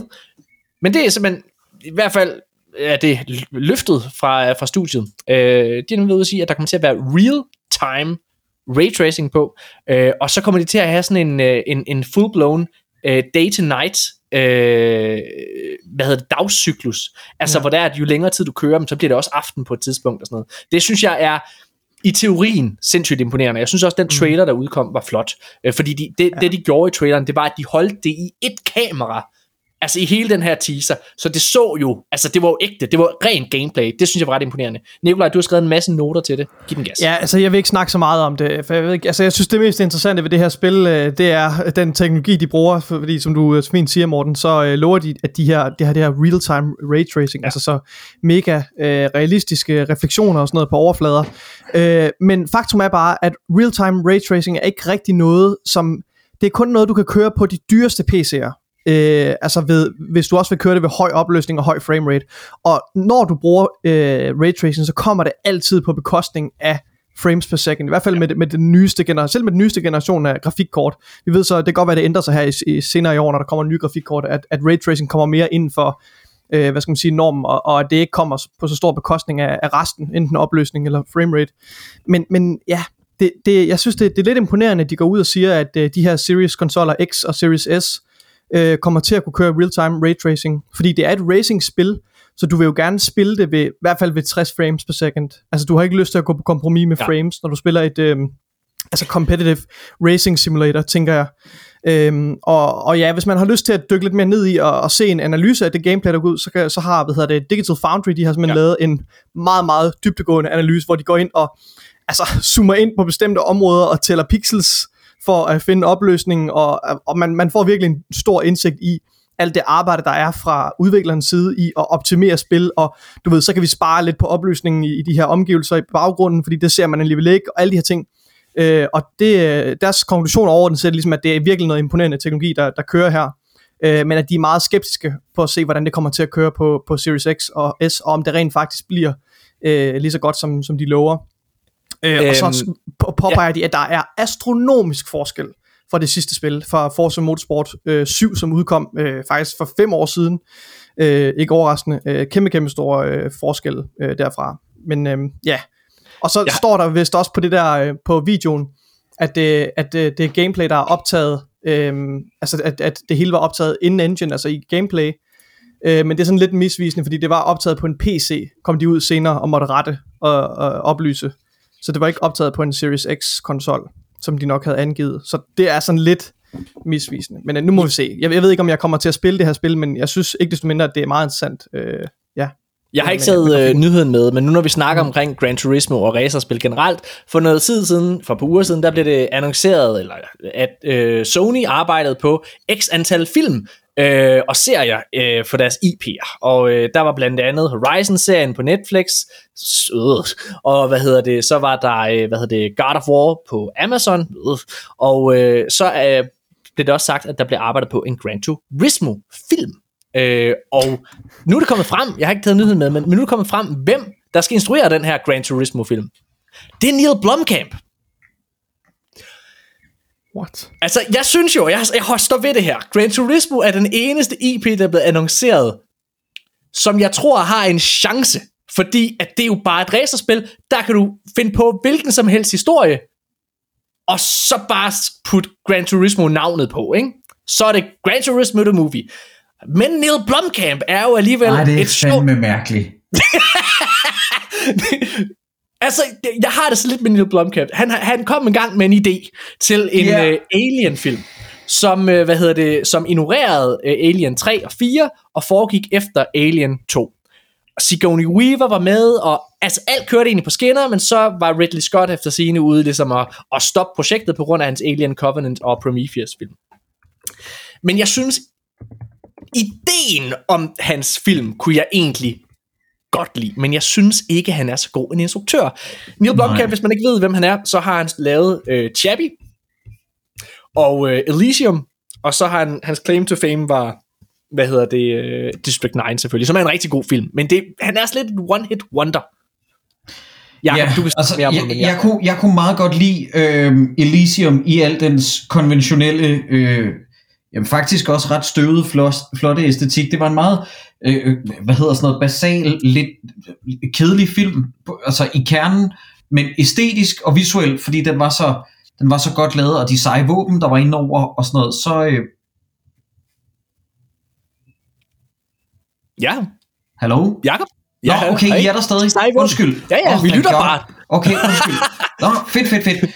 Okay, nå, det var for, bare fordi I, I, I freeze-framede et øjeblik, og jeg troede først, I lavede sådan en joke, øh, så, øh, så jeg, jeg, pause, jeg pauser lidt et øjeblik. Men ja, de seje våben og sådan noget, og så lavede han Chappie, som er en film, der øh, simpelthen er en af de mest skrækkelige pressevisninger, jeg nogensinde har været til, fordi at det er en film, der udover at have musik af de Antwoord, også har skuespil af de Antwoord, og det er ligesom dobbelt op på nederenhed. Og øh, så det seneste, han har lavet, er en, sådan som jeg har forstået det, straight til VOD, billig øh, gyser, der hedder Demonic, der skulle være helt forfærdelig. Så Neil Blomkamp kører altså lidt på dampene. Og så er han også ved at med- lave et computerspil. Han er ved at lave et Battle Royale computerspil. Øh, Nej, nej, nej. øh, alt. Altså, der er bare så mange What? faresignaler. Okay. Ja, ja. Ja, ja. Ja, præcis. Det, han er et omvandrende red flag. Demonic, Demonic har den laveste rating, jeg nogensinde har set på IMDb, tror jeg. Den har 4, et eller andet, ikke? Det er... 4,3. Øh, Hold kæft, Så, så skal du prøve at se uh, Hedensted Highs uh, rating. Det er 3,7, tror jeg. okay, det er, stadig, det er stadig dobbelt så meget, som centervagt har, Morten. Det kan du, øh, Åh, jamen, det er det kan du glæde dig med. Har du set Centervagt? Øh, ja, vi, øh, vi har lavet et live show om den i, øh, i Dårligdommerne for nylig. Øh, Okay. Så Jamen, jeg, øh, jeg, Dårligdommerne er den eneste podcast af dine, Jacob, jeg ikke lytter til, for jeg er så bange for, at okay, lige om lidt, så er det en af mine projekter, der er med. nej, det, det, øh, Morten, Nej, jeg, den er jeg, kan ikke på. det, det, kommer, det kommer aldrig til at ske. Øh, Hvorfor gør det ikke øh, det? vi, er, vi, vi er blevet spurgt rigtig meget om det. Nej, det er vi heller ikke bare roligt. Men, Det ville være det men, bedste, der øh, kunne ske for din serie, Morten. Serien for Dårligdommerne. Kan I ikke huske det? Nå, men, nå, men uden pis, øh, øh, må jeg gerne fortælle jer et hot scoop, øh, som vi ikke er gået ud med endnu i Dårligdommerne. Øh, Ja. Det er jo den kære Rasmus Heide, der har lavet Centervagt. Og jeg vil ikke sige, hvem af dommerne, der var ude for det her, men en af dommerne mødte tilfældigvis, et par dage efter vi havde lavet det store live show om Centervagt, mødte vi tilfældigvis Rasmus Heide. Han sagde, Gud, er det ikke dårligdommerne? Og øh, personen sagde, øh, jo. Og så, og så sagde han, øh, nej, hvor er det godt, at I har lavet et, øh, et show om, øh, omkring, omkring Centervagt. Det er jeg virkelig, virkelig glad for at høre. Øh, Nordisk Film prøvede jo at få det stoppet, men jeg sagde, fuck it, bare gør det. Øh, der, min film kunne ikke få bedre omtale end det. Så jeg sådan, åh oh, nej, er Rasmus Heide en cool person? Det, det, det, det, det kan jeg næsten ikke af.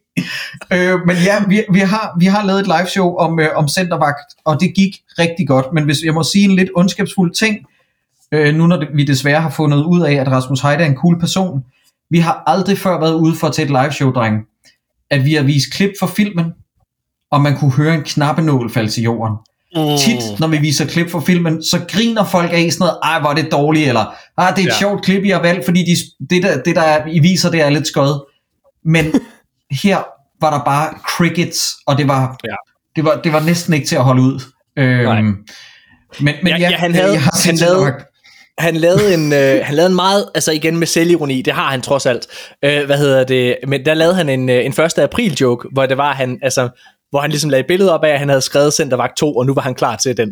hvad hedder det? Det, Yes. det synes jeg alligevel var meget sjovt. Morten, Morten vi, vi viste det billede uden kontekst som det sidste i showet.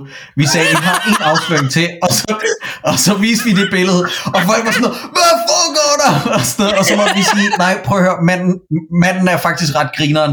Det var, ja. det var en 1. april snart. Øhm, Ja. Så den, den skal han have. Nej, hvad, hvad, hvad var det, vi kom fra med det? Undskyld, der var, der var noget, Ja, men øh, vi, vi snakkede vi om, snakkede der bare om ledte os Neil hen til det. Blomkamp. Demonic. Neil Blomkamp. Ja. Nå ja. det Nå ja, og der vil jeg også lige sige, øh, Morten, at øh, jeg kan ikke huske, om det var dig, eller hvem fanden det var, men, men jeg tror, jo, jeg tror måske, du sendte mig de første to afsnit af Panik øh, i sin tid, som Ja. er, øh, øh, altså, øh, øh, faktisk, ved du hvad, Morten, jeg kunne sgu meget godt lide det.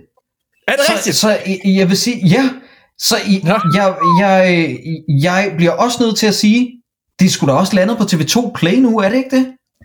Det er det, og øh, hvad hedder det, har klaret sig rigtig, rigtig godt der. Det har lagt de der sådan top 30 år mest set i, øh, i, i ret lang tid, og vi snakker også om, om måske at lave en, en, en sæson 2.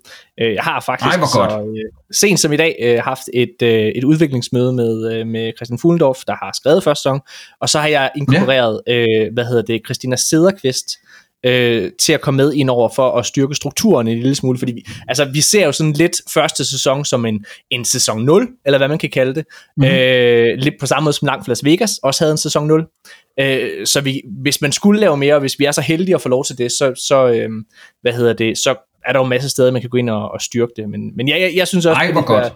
Ja, ja, nu må vi, vi håber på, at... øh, Det, at det krydser vi fingre for, ja. Ja. Nå, hvad hedder det? Øh, Lad os gå videre. Øh, apropos Neil Blomkamp og, øh, hvad hedder det, og øh, film.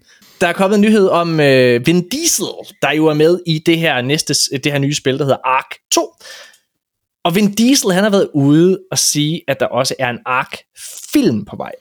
Og øhm, altså, Vin Diesel er jo en spøjs karakter. Det er i hvert fald en karakter, som mange i Hollywood ikke har lyst til at arbejde sammen med altså The Rock har jo øh, øh, været ude og sige, at, at han overhovedet ikke kommer tilbage i den her Fast and the Furious øh, franchise, mere eller mindre på grund af, af samarbejdet med, med Vin Diesel. Og mm. instruktøren på den næste øh, Fast and Furious film var også ude og hoppe fra, mens de var gået i produktion faktisk, på grund af Vin Diesel. Så det er jo spændende. Øh, han, han virker som en, øh, en meget selvhøjtidlig person. Øh, Ja. Der tager sig selv meget, meget seriøst. Der er sådan, et, der, der er sådan en dokumentar fra dengang, han lavede stemme til den der The Iron Giant. Så er der sådan en, der er sådan en dokumentar, hvor man kan se, og han, han, at Iron Giant kan jo nærmest ikke snakke, hvad hedder det, men hvor han altså virkelig, virkelig føler alle hans replikker. Og jeg går ud fra, at det er det samme på I Am Groot, når han gør det, altså virkelig, virkelig føler. ja. Øh, der, er, altså, der er et eller andet ved Vin Diesel, hvor det er sådan, der er en eller anden, der har brug for at sparke ham i nosserne, og, og, og, og smide ham på porten på Hollywood, eller et eller andet. Der, der, er, fordi, ja, jeg var i hvert fald, da jeg læste det her, sådan, okay, Ark, det kunne da, altså, det, det er jo nærmest mere eller mindre, det, der er sådan en gammel øh, animationsserie fra 80'erne, der hedder Dino Riders. Øh, Ja, præcis. Jeg, og det er mere eller mindre det. Altså dinosaurer med våben på, øh, hvad hedder det, og så går man rundt, øh, altså mech-dinosaurer. Det er jo egentlig et meget fedt koncept. Men jeg har jo, altså jeg tror minus på den, når det er Vin Diesel. Bloodsport var jo en, øh, hans seneste film, som er uh, en katastrofe. Så ja, det er ærgerligt. Ja. Oh, nå, Har du ja, noget at sige, den, Jacob? ja, han, ja, ja, undskyld, jeg vil bare lige sige, ja, undskyld, Bloodshot hed den, ja, Mhm. det er rigtigt. Den er simpelthen så redselsfuld ringe. Nej, men igen, jeg har ikke noget tilføje, som du ikke allerede har sagt. Det virker som om, han er død humorforladt. Og prøv lige at tænke på, drenge, hvor forfærdeligt et menneske hvor mere, hvor med, øh, må være, når øh, Dwayne The Rock Johnson takker nej til en check på 15 millioner, bare fordi han ja. synes, at ham, hans medspiller er irriterende. Ja. Så må man fandme være irriterende. Altså, det er, det, det er ubeskriveligt. Øhm, ja, jeg, jeg, jeg forstår det simpelthen ikke, og du ved, min drøm var jo engang det der med at få lov til at spille rollespil med Vin Diesel, fordi han er efter sine en meget ihærdig papir- og blyants rollespiller, og han havde vist nok skrevet forordet til en eller anden udgave af et regelsæt til Dungeons and Dragons. Men jeg har virkelig ikke lyst til det nu. Du ved bare tanken om at sidde og spille rollespil med, med, med så selvhøjtidelig en person. Jeg tror ikke, det vil være sjov. Og det, det, det irriterer mig, at man skal høre de her historier, fordi dammit, I was rooting for you, Vin Diesel. Jeg, jeg elskede historien om, at, at han var en ung skuespiller. Steven Spielberg så et lys i ham, puttede ham i Saving Private Ryan. Han lavede Pitch Black, du ved, Riddick blev en ting. Og, så, Og det var også et ja, godt computerspil. Altså, Ja, det var også røvgodt et spil. Ja. For satan. Ja. Ja, jeg, jeg, igen, jeg har ikke mere at tilføje andet end det er trist. Den sidste nyhed, jeg gerne vil have dig med på, øh, Jakob, det er øh, The Last of Us øh, Part 1 remaket. Så det er kommet frem, øh, altså der- kom jo den her trailer frem til The Last of Us Part 1, og det var jo heldigvis, altså best case scenario, det er ikke, altså hvor de sidder og prøver at genopfinde den dybe tallerken, det er, det er mere en remasterering, end det er et remake. Altså det er mærkeligt, at man overhovedet kalder det et remake. Der gik rygter om, at skuespillerne fra HBO-serien skulle gå ind og, og, og udskifte, øh, hvad hedder det, ja, karaktererne her, og det var heller ikke tilfældet. Alt er godt. Nej, thank God. Jeg er, jeg er ja. helt klart på, på, på, på fløjen, der hedder, det er fint. Jeg synes, det er en godt tænkt fra Sony, at fans fra den kommende HBO-serie kan gå ind og genopleve, øh, hvad hedder det, The Last of Us øh, spillene på den bedst tænkelige måde grafisk.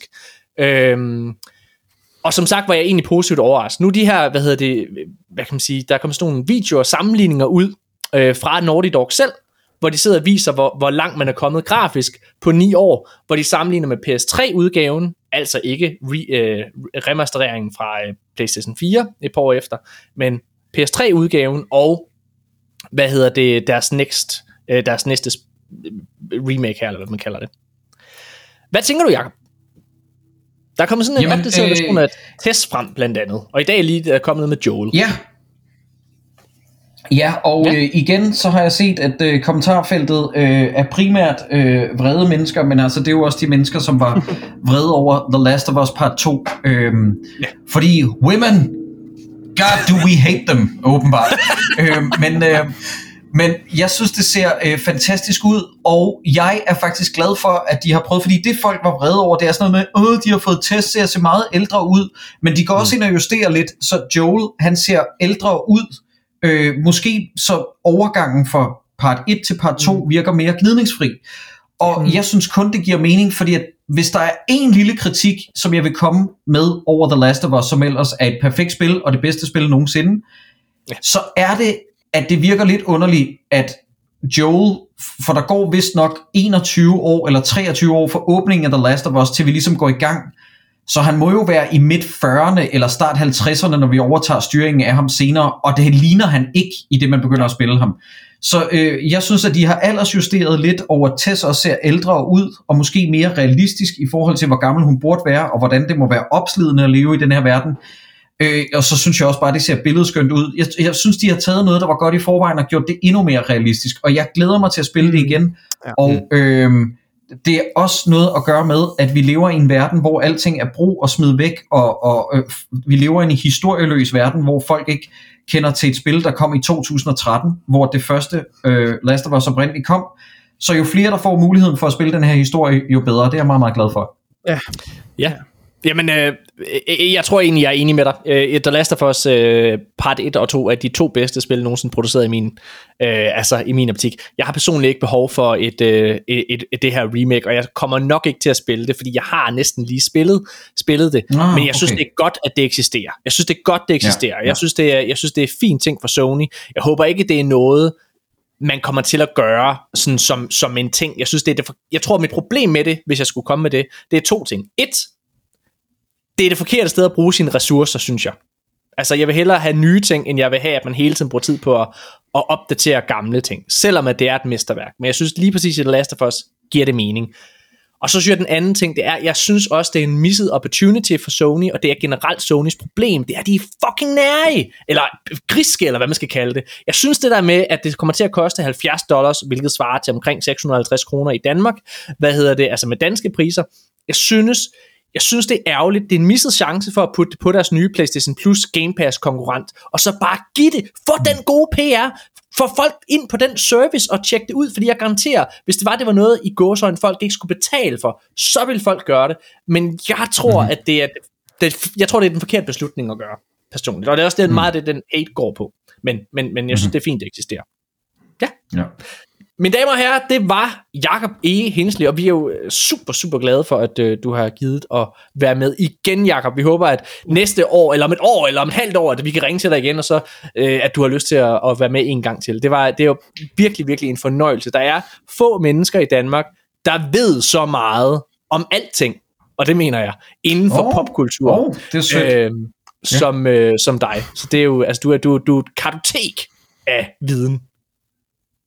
Det er godt, fordi at jeg ved ikke noget som helst om øh, politik eller håndværk, så jeg er rigtig, rigtig glad for, at det er her, jeg kan, jeg kan øh, sætte min, min ekspertise. Og I, øh, I skriver eller ringer bare, det, øh, det har været en fornøjelse, dreng. Jeg er ked af, at jeg blev nødt til at smutte, men, men øh, jeg skal simpelthen, det, det tog væsentligt længere tid, end jeg havde regnet med. Jeg havde hygget Det tog også længere tid det har end været, ja, det, det har, Men det har været skide hyggeligt. Øh, det, var, det var godt at snakke med jer, dreng. Øh, og så, øh, I skriver bare. Vi snakkes. Vi ses. Tusind tak, Hej. Hej hej. Hej.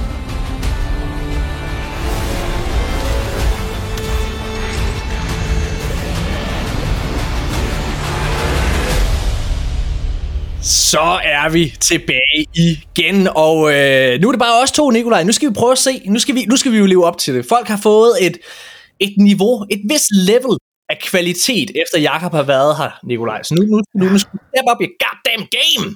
Nu skal vi hive det ned igen på jorden. Ja, men altså, Jacob han er virkelig, øh, som du siger, altså et kartotek af viden. Altså det, altså, det er virkelig imponerende. Ja. Det, øh, det er helt vildt. Jeg og synes, I to, øh, øh, I har et ret godt flow, når I snakker om film og serier. Jeg ærger mig virkelig over, at jeg slet ikke på nogen måde. Jeg har ikke den. Jeg har, ikke, altså, jeg har ingen chance for med i de samtaler der, men jeg synes, det er enormt uh, interessant at, at høre jer snakke om film og serier. Det synes Jamen, han er, øh, ja, altså det er, jo, det er jo spændende. Det er også derfor, jeg synes, det, det er derfor, det er spændende at have med. Jeg synes, det giver, ja. altså, det giver også podcasten her et, øh, et andet niveau. Jeg synes, det var også sjovt at have med sidste gang. Jeg glæder mig til, at jeg skal have med igen en gang. Men vi mangler altså lige nogle nyheder, der er sket her ja. inden for gamingverdenen. Og øh, jeg tænker da bare lige, at vi kører dem øh, igennem, Nikolaj. Mhm. Fænomenet Valheim. Øhm, det har været på, øh, på, på PC i noget tid, øh, og jeg har ikke spillet det, skal jeg være ærlig at sige, men, men selvfølgelig har jeg hørt om det. Jeg har hørt om, hvor mange mennesker, der spiller det.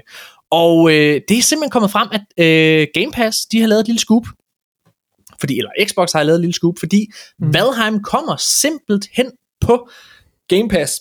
PC Game Pass her til oktober, eller i hvert fald til efteråret, jeg går ud fra det oktober, jeg tror det, jeg er ret sikker på, at jeg læste det et sted. Og så kommer det øh, på konsol Game Pass her øh, til foråret næste år. Der er ingen forlydninger om, at det her det skal på PlayStation.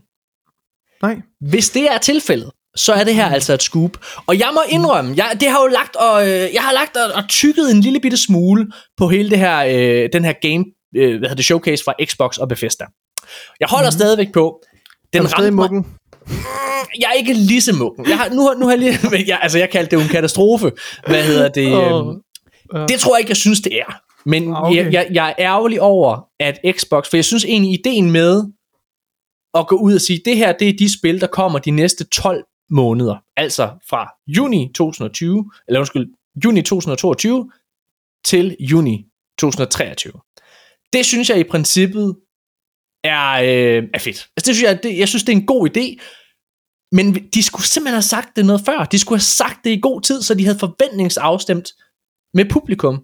Fordi det satte mine forventninger og mit hype, det satte det gevaldigt ned, dengang de trådte ud på scenen og sagde, hey, vi har aldrig gjort det her nogensinde før, men nu gør vi det. Det er spillet de næste 12 måneder. Næh, øv. Mm. Men øh, noget jeg, øh, jeg, jeg, synes igen, jeg synes der er fede spil. Jeg synes øh, High on Life ser fedt ud, Redfall ser fedt ud, Starfield ser fedt ud. Men noget jeg synes virkelig er en genistreg, det er alle de her aftaler, de har lavet med tredjeparts studier. Og det, det er virkelig gået mange snæser forbi, synes jeg. Blandt andet øh, har de jo lavet en kæmpe aftale med Riot, der står bag League of Legends ja. Og en masse ja, ja, spil i det ja. univers. Alle de titler ja. Ja. kommer på Game Pass. Det er jo et kæmpe gæt. Øh, formentlig må, man må gå ud fra, at når Activision-dealen går igennem, at så ryger både Call of Duty, Diablo og så videre, så ryger det også på Game Pass. Så er der Hideo Kojima-aftalen, som bliver annonceret, og så er der den her Valheim-ting, som også kommer på Game Pass. Det er sådan, du kan ikke lade være med at have en Xbox, altså eller i hvert fald Game Pass, om det så er på PC eller konsol. Det, det er virkelig det budskab, der er der. Du kan se Jakob. Vi talte med Jakob i, øh, hvad hedder det, jeg tror det var november sidste år, og, øh, og der havde han ikke Xbox, og han havde ikke Game Pass, og han var sådan, hvorfor skal jeg have det og alle mulige ting? Og han har det nu. Og jeg er, ikke, jeg er sikker på, at det ikke er os, der har solgt det. Jeg, jeg tror, det er fordi, Ah, det kunne godt være. ej, det kan også være det også. Altså, måske mange begge små. Men jeg tror i hvert fald det der med, at hele industrien snakker om, at den her deal kan du ikke lade være med at tage. Og den, det postulat, eller hvad man skal kalde det, det bliver bare hele tiden forstærket. Jeg tror også, det er derfor, vi har set, at igennem hele foråret her, der har Xbox været number one, altså inden på sales charts. Altså det er dem, der har, de har, de har, de, de har solgt mange flere konsoller end, øh, end PlayStation 5. Jeg tror, det har noget med det at gøre. Og det er, det er spændende, og jeg synes, det med Valheim er øh, godt set ud. Og så har de også de her med, at, at man har et lille, hvad hedder det, eksklusivt vindue, hvor det er, at deres spil ligesom kommer på, jamen så er der tre måneder før, at spillet kommer på, på andre platforme. En af de spil, det er Stalker 2, Nikolaj. Som Ja. ja. også kommer til at være, hvad hedder det, øh, eksklusiv i øh, tre måneder, tror jeg det er. Mm. Eller et halvt år måske, Ja. ja. på, Play, eller på Xbox. Og i Xbox Showcase Extended, der var to dage efter deres store showcase, der sluttede de faktisk med Stalker 2. Der er blevet rykket øh, til, øh, til 2023, ja. forståeligt, ja, ja. fordi udvikleren bag Stalker 2 har hjemme i Ukraine. Mm. Og øh, Kiev, for at være mere specifik. Og de viser to ting. Mm-hmm. De viser først en øh, cinematic trailer, Ja. som, øh, hvad kan man sige, viser lidt mere om spillet. Og jeg må faktisk indrømme, Stalker 2 har jeg lagt på min top 3 for i år. Altså inden at det blev skubbet, der var det på min top 3. Det, ja, den her cinematic trailer solgte mig faktisk ikke på spillet. Nej, okay. Gjorde det det på dig? Nej, ikke rigtigt. øh, men, men, øh, men, men jeg har heller ikke rigtig været, været særlig solgt på det til at, at starte med. Okay. Øhm, jeg ved ikke rigtig, der, er ikke, der var ikke så meget ved spillet, der sådan rigtig tiltalte mig, øh, heller da jeg, da jeg så øh, traileren. Øh, Noget, der til gengæld noget, der til gengæld tiltalte mig helt vildt, altså som jeg faktisk blev lidt bevæget over, det Ja. var, at de sluttede så med den her øh, video, eller Ja. hvad man skal kalde det, Ja.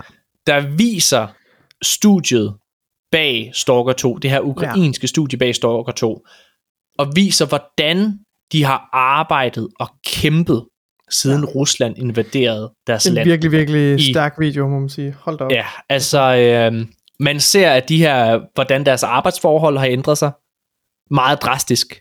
Man ser, at mange af udviklerne går ud og kæmper for deres land. Øh, ja. Altså, man ser det. Det vil jeg virkelig anbefale folk tjekker ud. Det var, jamen det er altså hele... Og sådan nogle, øh, sådan nogle, nogle før- og efterbilleder af nogle af de, ja. øh, blandt andet det område i byen, hvor deres studie lå, øh, mm. lå eller ligger. Øh, jeg ved ikke, om man kan sige det. Jeg ved ikke, om det stadigvæk ligger der. Øhm, altså, de er jo selvfølgelig operational igen, men jeg kan ikke huske, om de er baseret nu i Polen, sådan midlertidigt, eller hvad de gør, eller om de er på vej tilbage i Ukraine. Ja. Men, øh, men det er virkelig, virkelig rørende. Altså, ødelæggelserne er jo, er jo, er jo kæmpe store. Mm-hmm. Øhm, og det, det er bare, det er vildt at se, du ved, at at de pakker hele deres studie sammen og liner alle deres computer op øh, ja. på, en, på en rækker, altså hvor der, der er et kort klip også, hvor han går igennem, øh, hvor der er en person, der går igennem deres, øh, deres, øh, deres, øh, deres kontorbygninger, hvor der bare står, du ved, et hav af tomme kontorstole. Altså, synes, det er bare så, det er bare så sindssygt. Altså, det er virkelig, øh, ja, jeg, jeg synes, det jeg, jeg ønsker virkelig øh, det bedste for dem her. Jeg håber, ja. at, øh, at Stalker 2 får en hel masse opbakning, og at det ja. viser sig at være et fremragende spil, og den kærlighed og passion, de har, at den øh, kommer til udtryk i spillet. Det er tydeligt, at, at det har de helt sikkert. Øh, og vildt rørende at se, der var en community manager, og der var en narrative director, der, øh, der var i, øh, i, hvad hedder det, altså fuldt klædt på i kampudrustning og, Stod ude og, på øh, fronten. og stod på, på frontlinjerne, ikke også? Jeg synes, det er, ja. det er vildt stærkt. Altså, jeg synes, men... Øh, ja, jeg, jeg kan aldrig forestille mig selv at, at være så modig og så ressourcefuld, at jeg vil gå, gå i krig og kæmpe for mit eget land. På den Nej, men der siger jeg bare lige lige ud, ikke så også? Altså, det, det skal ikke hedde sig, mine damer og herrer. Hvis det er, at øh, Rusland eller Kina eller en eller anden øh, en dag banker på øh, Danmarks grænse og siger, bonk, bonk, bonk, ja, øh, vi tager sgu Danmark. Nu er det, I hører til Rusland nu. Så, så, øh, så jeg, hører jeg ikke til dem, der går ud og kæmper. Der ligger jeg mig fladt ned og siger, mega fedt Putin, jeg har sgu også, ved du hvad, jeg har altid synes du var en god fyr. Der har jeg altid, jeg har altid, du har altid, jamen hvad er det nu, du siger, øh, jamen, hashtag Putin, Putin was right, ja, helt sikkert. Hvad hedder det, der ligger jeg mig fladt ned. Så knip mig med den, altså, russiske Kan mange af dine, øh. Kan vide mange af dine landsmænd, mænd, mænd og kvinder og børn, der skal slås ihjel, før du ændrer holdning, Morten? Ej, men altså, jeg tør ikke at kæmpe, jeg er simpelthen Ej. et skvat. Det, jeg vil stikke Der er af. også nogen, der skal fylde sandsække, Morten. ja, ej, jeg synes, det er sindssygt, også fordi det er så vanvittigt. En, altså, det er virkelig, altså de sidste par måneder, det er sådan, det er, jeg, jeg, jeg tror stadig, jeg tager mig sådan lidt til hovedet over, at det her overhovedet kan ske i 2022. Mm. Altså i den ja. tid, vi er i. Altså, det, er, det er så fjernt fra hele min levetid, det her. Øhm, ja. ja, nå. Nikolaj, lad os gå tilbage og snakke om nogle øh, computerspil, fordi det er jo der, hvor man kan drømme sig til en anden verden. Computerspil. Computerspil. Overwatch 2. Ja, lad os lige rapid fire de der titel, de der... Ja, ja, men jeg er helt enig. det Altså, Overwatch, jeg, jeg, Jeg har jeg, har aldrig spillet, jeg har aldrig spillet Overwatch. Øh, men jeg tror, jeg har på fornemmelsen af det her spil, for der er meget hate imod det. Overwatch 2 altså. Mm-hmm. Jeg tror, jeg tror at øh, jeg tror, de kommer til at ramme den i røven. Jeg har aldrig spillet det. Men jeg, jeg, det, der er problemet med mange Game as a Service spil i dag, det er, at der ikke er et roadmap, der er ikke noget endgame potentiale, og øh, Overwatch, de har simpelthen været ude og lavet et roadmap. De er altså content roadmap, og når man er, man har øh, levet med Halo Infinite øh, øh, multiplayer, så er det her det er simpelthen forfriskende at se. Udover det, så bliver spillet modsat det, det originale øh, Overwatch, så bliver det free to play Overwatch 2. Og øh, de har droppet deres loot boxes. De kommer så med Battle Passes i stedet for, og så kommer de med en store. Men altså alle de problemer, der var med spillet, det virker til, det er fikset. Og så kan man spørge om, jamen, er det for sent? Det tror jeg ikke, det er. Jeg tror, altså folk sagde det samme omkring Destiny, dengang at uh, Destiny 2 skulle udkomme, kan jeg jo huske. Og uh, Destiny 2 var en kæmpe, kæmpe succes, og det er det stadigvæk den dag i dag.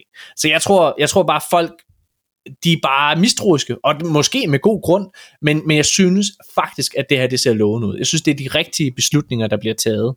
Så ja, jeg, er- jeg er klar på at æde mine ord, men, men umiddelbart synes jeg faktisk, at det ser godt ud. Og igen, det kommer altså i kølvandet af Halo Infinite, som ikke havde det her content roadmap klart. Det kom i kølvandet på øh, Battlefield 2042, der slet ikke havde noget content roadmap klar, eller et spil for den sags skyld. Jeg tror oprigtigt talt, det den kommer til at vinde på, det er, at det er nyt, og der er en plan. Og det er gratis. Ja. Ja. Helt, jeg, håber, jeg håber, det bliver en succes. Altså, øhm, at det kommer til at... Og jeg synes, det, det er super fedt, at det kommer på, på Game Pass. Men øhm, ja, jeg kommer, sgu, jeg kommer ikke til at spille det. Det gør jeg. Noget, øh, noget, som det også kommer til at have, og noget, som mange har ønsket, det er jo PvE-content til Overwatch. Det er jo et rent PvP-spil. Men mm-hmm. øh, det kommer. PvE-content kommer i 2023, og øh, det kommer som noget seasonal content. Det er jeg faktisk spændt på. Ja. Mm. Overwatch, det bliver lavet af Blizzard, der er en del af Activision. Ja, det var mange skridt, jeg tog for at lave en segue til den næste nyhed. øh, øh, men øh, der er det her studie, der hedder Infinity Ward. De er primært kendt for at lave Call of Duty. Mm. Og øh, Activision står jo til at blive købt af Microsoft. Og mange har gået og tænkt, fedt, nu kommer der endelig til at blive rusket i hele Activision og Blizzard øh, af det her store firma Microsoft, der er kendt for gode arbejdsvilkår. Og øh, det er allerede meldt ud, at fra øh, fremover, så kommer Call of Duty ikke til at være den årlige øh, hvad hedder det, udgivelsestitel, man er vant til. Der kommer til at være sådan, i hvert fald hver andet år, måske hver tredje år, kommer der til at komme et Call of Duty-spil, så man rent faktisk har tid til at spille øh, hvad hedder det, den pågældende titel, og der er også tid til at udvikle det pågældende spil. Og nu er det så kommet frem, at måske for nogle af de her studier også lov til at lave andre ting. Vise deres kvaliteter som studie. Fordi Infinity Ward, der primært har lavet Call of Duty, de hyrer simpelthen til en helt ny genre. De hyrer til et open world RPG-spil. Og det er jeg ret spændt på. Ja, det er et Den- stort spring. Det er et stort skridt i en anden retning, Nikolaj. ja. Altså, det, Men- det, det, er vigtigt at understrege, at det ikke er hele Infinity Ward. Altså, Nej, det, er nej, nej. Det er deres, deres, deres afdeling i Polen, lader det Mhm. til, som, øh, som hyrer, ja, til, som hyrer til de her, øh, hvad hedder det, role-playing game øh, Ja. stilling. Det, det lyder lidt spændende. Øh, ja. Jeg ved ikke, om det er udtryk for, at, øh, at Infinity Ward, som du, som du antyder, har, har sluppet Activision linker, eller om det bare er Microsofts nye linker, som, øh, som skubber dem i en bestemt retning. Øh, jeg håber selvfølgelig på, på det første, men øh, ja, det, det lyder vildt spændende, synes jeg. Ja, ja, ja min, min fornemmelse er, når jeg, når jeg lytter øh, til, øh, til diverse øh, studier og folk Ja, ja, derfra og sådan noget der, så er, min, så er min fornemmelse, at man har ret stor kreativ frihed, når man arbejder ved Microsoft. Det er også min Men Ja.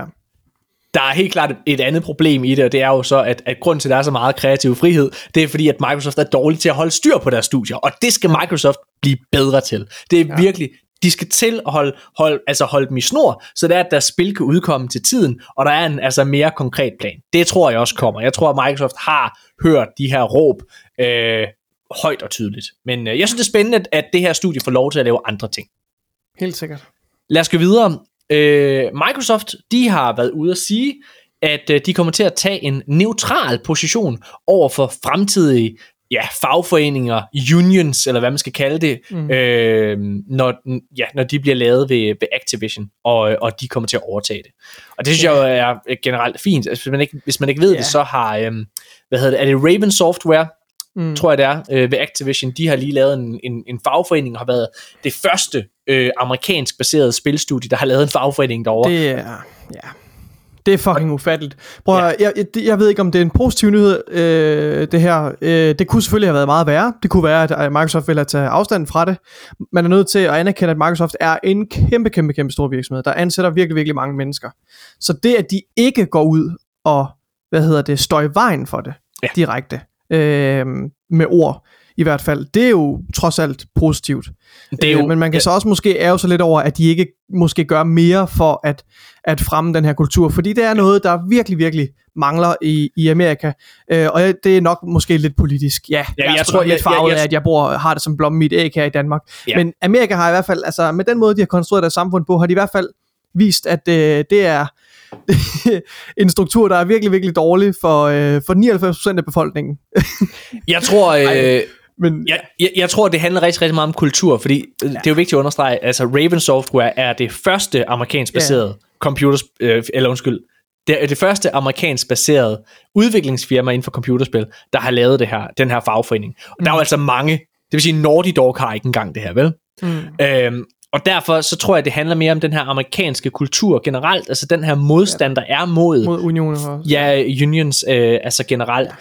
Og, øhm, og jeg, jeg, jeg ser det som meget positiv ting. Altså igen, Microsoft, man kan jo mene om dem, hvad man vil, men det er virkelig, virkelig, virkelig positivt, at de støtter op omkring det her. Og det er jo fordi, de har en, en, en god, et godt arbejdsmiljø generelt, er de i hvert fald kendt for. Mm. Øh, Activisions øh, Blizzard, de er jo, altså, og det har ikke noget med Microsoft at gøre, men de blev jo ligesom øh, sagsøgt af staten Kalifornien på baggrund af alle de her, jeg skal, det vil være pænt at sige mistrivsel øh, i arbejdsmiljøet. Altså Ja. ja. decideret chikane. Der er en medarbejder, der har begået selvmord øh, på grund af, af, af den måde, hun har været behandlet på, øh, mens hun arbejdede ved Activision Blizzard. Det er Mm. helt foralt. Hvis man ikke allerede kender til de her sager, det er modbydeligt. Alt, alt Øh. tyder på, at det er den her en systematisk kultur på, på Activision Blizzards, Ja. øh, altså, som, som nok går rigtig, rigtig højt op i øh, bestyrelsen, som, øh, ja, ja, det Og- er virkelig frygteligt. Og nu har de, nu har de simpelthen været ude, bestyrelsen ved Activision Blizzard. De har jo selv lavet en undersøgelse omkring, har de gjort noget forkert? Kunne de have gjort mere for at stoppe det her? Og der er det måske ikke overraskende kommet frem, at Activision Blizzards bestyrelses, deres egen undersøgelse, har vist, vi har gjort alt, hvad vi kunne. Vores hænder er rene. Knip jer selv, Activision Blizzard. Knip jer selv. Hold kæft, hvor jeg håber på. Og jeg ved, det helt det øjeblik, at de her mennesker, de kommer på porten, når Microsoft overtager den her øh, virksomhed. Mm. Det bliver så godt for hele menneskeheden. Jeg vil se blod, Morten. Ja, ja, ja det håber jeg Heads will kommer. roll. Øh, på dagen, hvor øh, Xbox havde deres Extended Showcase, som jeg ved ikke, om du så den, Nikolaj. Jeg så lidt Jeg af så den, ret hurtigt. Ej, jeg jeg, så Jeg lidt så af den, ret, hurtigt, fandt lidt ret hurtigt ud af, at der ikke rigtig var noget sådan, altså, der var ikke store annonceringer. Jeg så jeg var selvfølgelig inde. Det første, ja. jeg, jeg kiggede på, lige Ja. snart det var færdigt. Jeg skulle selvfølgelig se deres øhm, extended Ja. øh, coverage af Flight Simulator. Og jeg synes, det var enormt cringe, øh, cringeworthy. Øhm, jeg nød, nød det ikke særlig meget, øh, vil jeg sige. Øh, som der var nogle, nogle få højdepunkter. Men ja. Samme dag, der øh, udkom Capcom øh, med deres egen showcase, og øh, de viste nogle ting af, eller undskyld, de viste nogle ting frem. Jeg vil ikke snakke om dem alle sammen, men jeg vil gerne snakke om Resident Evil. Fordi at, øh, der afslørede de ret, nogle ret fede ting. De var blandt andet ude at afsløre, at der kommer current gen versioner, altså versioner, øh, eller opdateringer, current gen updates til Resident Evil øh, Remake 2 og 3, samt Resident Evil 7, Altså grafiske opdateringer perfor- der, og, og performance updates, øh, så de kan køre på bedst mulig måde på PlayStation 5 og øh, Xbox Series. De her opdateringer kommer til at være gratis. I hvert fald på Xbox. Øh, Fordi PlayStation, de, ja, jeg ved ikke, om det er grådighed, grådigheden, der taler, men Resident Evil 7 den update, der kommer til øh, på PlayStation, er ikke gratis for folk, der har spillet gennem PlayStation Plus Collection. 70 Altså, dollars. 70 dollars vil de have for det. Ej, ej, ej. det, Jamen, ej, det er var da rigtigt. Er det rigtigt? Ja, ja, det er rigtigt. Jeg fatter ikke Ja, det her. Jeg forstår ikke, hvorfor det er, at PlayStation er så grådige. Fordi Jeg ved ikke, grund, om... Ja. grunden til, at folk de migrerer væk fra PlayStation, og det sker, mine damer og herrer, det er, det er mange begge små. Og PlayStation tager bare den ene, i min optik, forkerte beslutning hele tiden. Altså gang på gang. Og det her, det er bare en af dem. Så æd da, hvad er det, det, hvad er det, det går ud over jer? Altså, det, jeg er sikker fordi de sidder og tænker, åh, men det er jo altså folk, der bare har fået Resident Evil 7 igennem vores PlayStation Plus. Hvorfor skal de have en grafisk update, øh, en grafisk update gratis?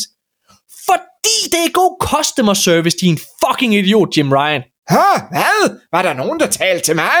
Ja, Jim Ryan. Vi står og siger, at folk skal have noget gratis på Playstation. De har opdateringer gratis. Hvad? Det kan... Nej, men så kan vi jo glemme af penge. Hvad med pengene? Ah, Hvor er jeg henne? Hvad hedder det? Åh, oh, Jim Ryan, din gamle idiot. Prøv at høre her. Jeg, jeg kan simpelthen ikke forstå det. Altså, Det må, også, det, må have, det må have konsekvenser for Playstation, at de bliver ved med at røvrende deres fans. Altså, det er sindssygt, sindssygt dårlig stil. Jeg forstår Ja. ikke. Ja. Jamen, jeg kan bare ikke se, hvad der går af dem. Det er en opdatering. Det er folk, der har spillet i forvejen. Altså, og, og på Xbox-siden, der er den slags, det, det er bare, det er indiskutabelt. Altså, den slags opdateringer og, og hvad hedder det, altså, hvad hedder det, ikke remakes, men altså remasters, alt at, i den stil, altså, øh, hvad hedder det, gamle spil, der bliver, det, det er, altså, det er, det kommer gratis igennem Game Pass. Altså, det er jo du også sådan- du skal ikke betale ekstra for det. Det er en del af tjenesten. Det er en forventning, vi har nu til samtlige titler, og det, det synes jeg bare er, at kontrasten kunne ikke være større. Nej. Altså, Og og jeg- jeg, og jeg, ja, det er sindssygt, at, altså, at, at de kan, altså, men, men der er jo til sydlandet, altså, de kan jo til sydlandet slippe afsted med det her. Altså, de, de, de, de, de tager jo ikke de her beslutninger ret længe, hvis de finder ud af, at det er en dårlig forretningsbeslutning. Så folk ja. betaler jo stadigvæk fuld pris ja. for alle de her spil. Øh, det er ikke sikkert, at de gør det glædeligt, men de gør det ikke desto mindre, ellers ville PlayStation jo ikke kunne gøre det her. Så, så altså, ja. Jeg er overbevist om, at, jeg er overbevist om, at det, det simpelthen handler om, om hårdmod. Altså, de er simpelthen, mm. de, de er simpelthen for højt på, på klingen, og det er det, det, det, der kommer til at være Playstations fald, tror jeg. Og igen, Playstation laver nogle af de bedste spil overhovedet, ja. men det er fuldstændig lige meget, hvis dit økosystem er rådent. Og det er det, i min optik. Jeg synes simpelthen, det er rådent. Jeg synes simpelthen, igen, det er mærkeligt, at de her opdateringer, altså for eksempel, hvis du havde Spider-Man, Altså så den der remaster, så skulle du ud og købe spillet en gang til. Altså sådan, og, og det samme med, hvad hedder det, var det Forbidden West, hvor de stod og sagde, at vi kommer aldrig nogen, altså så gav de det gratis i den her opdatering, men hvad hedder det, så vi kommer aldrig til at gøre det igen, altså gjort stort nummer ud af, at nu øh, øh, tager, tager Playstation, øh, altså the high road her, med, og, og, og giver deres fanbase en, en fucking opdatering til grafikken gratis væk. Det er jo ikke engang content. Mm. Altså, jeg kan simpelthen ikke forstå det. Nå, Nej. lad os gå videre.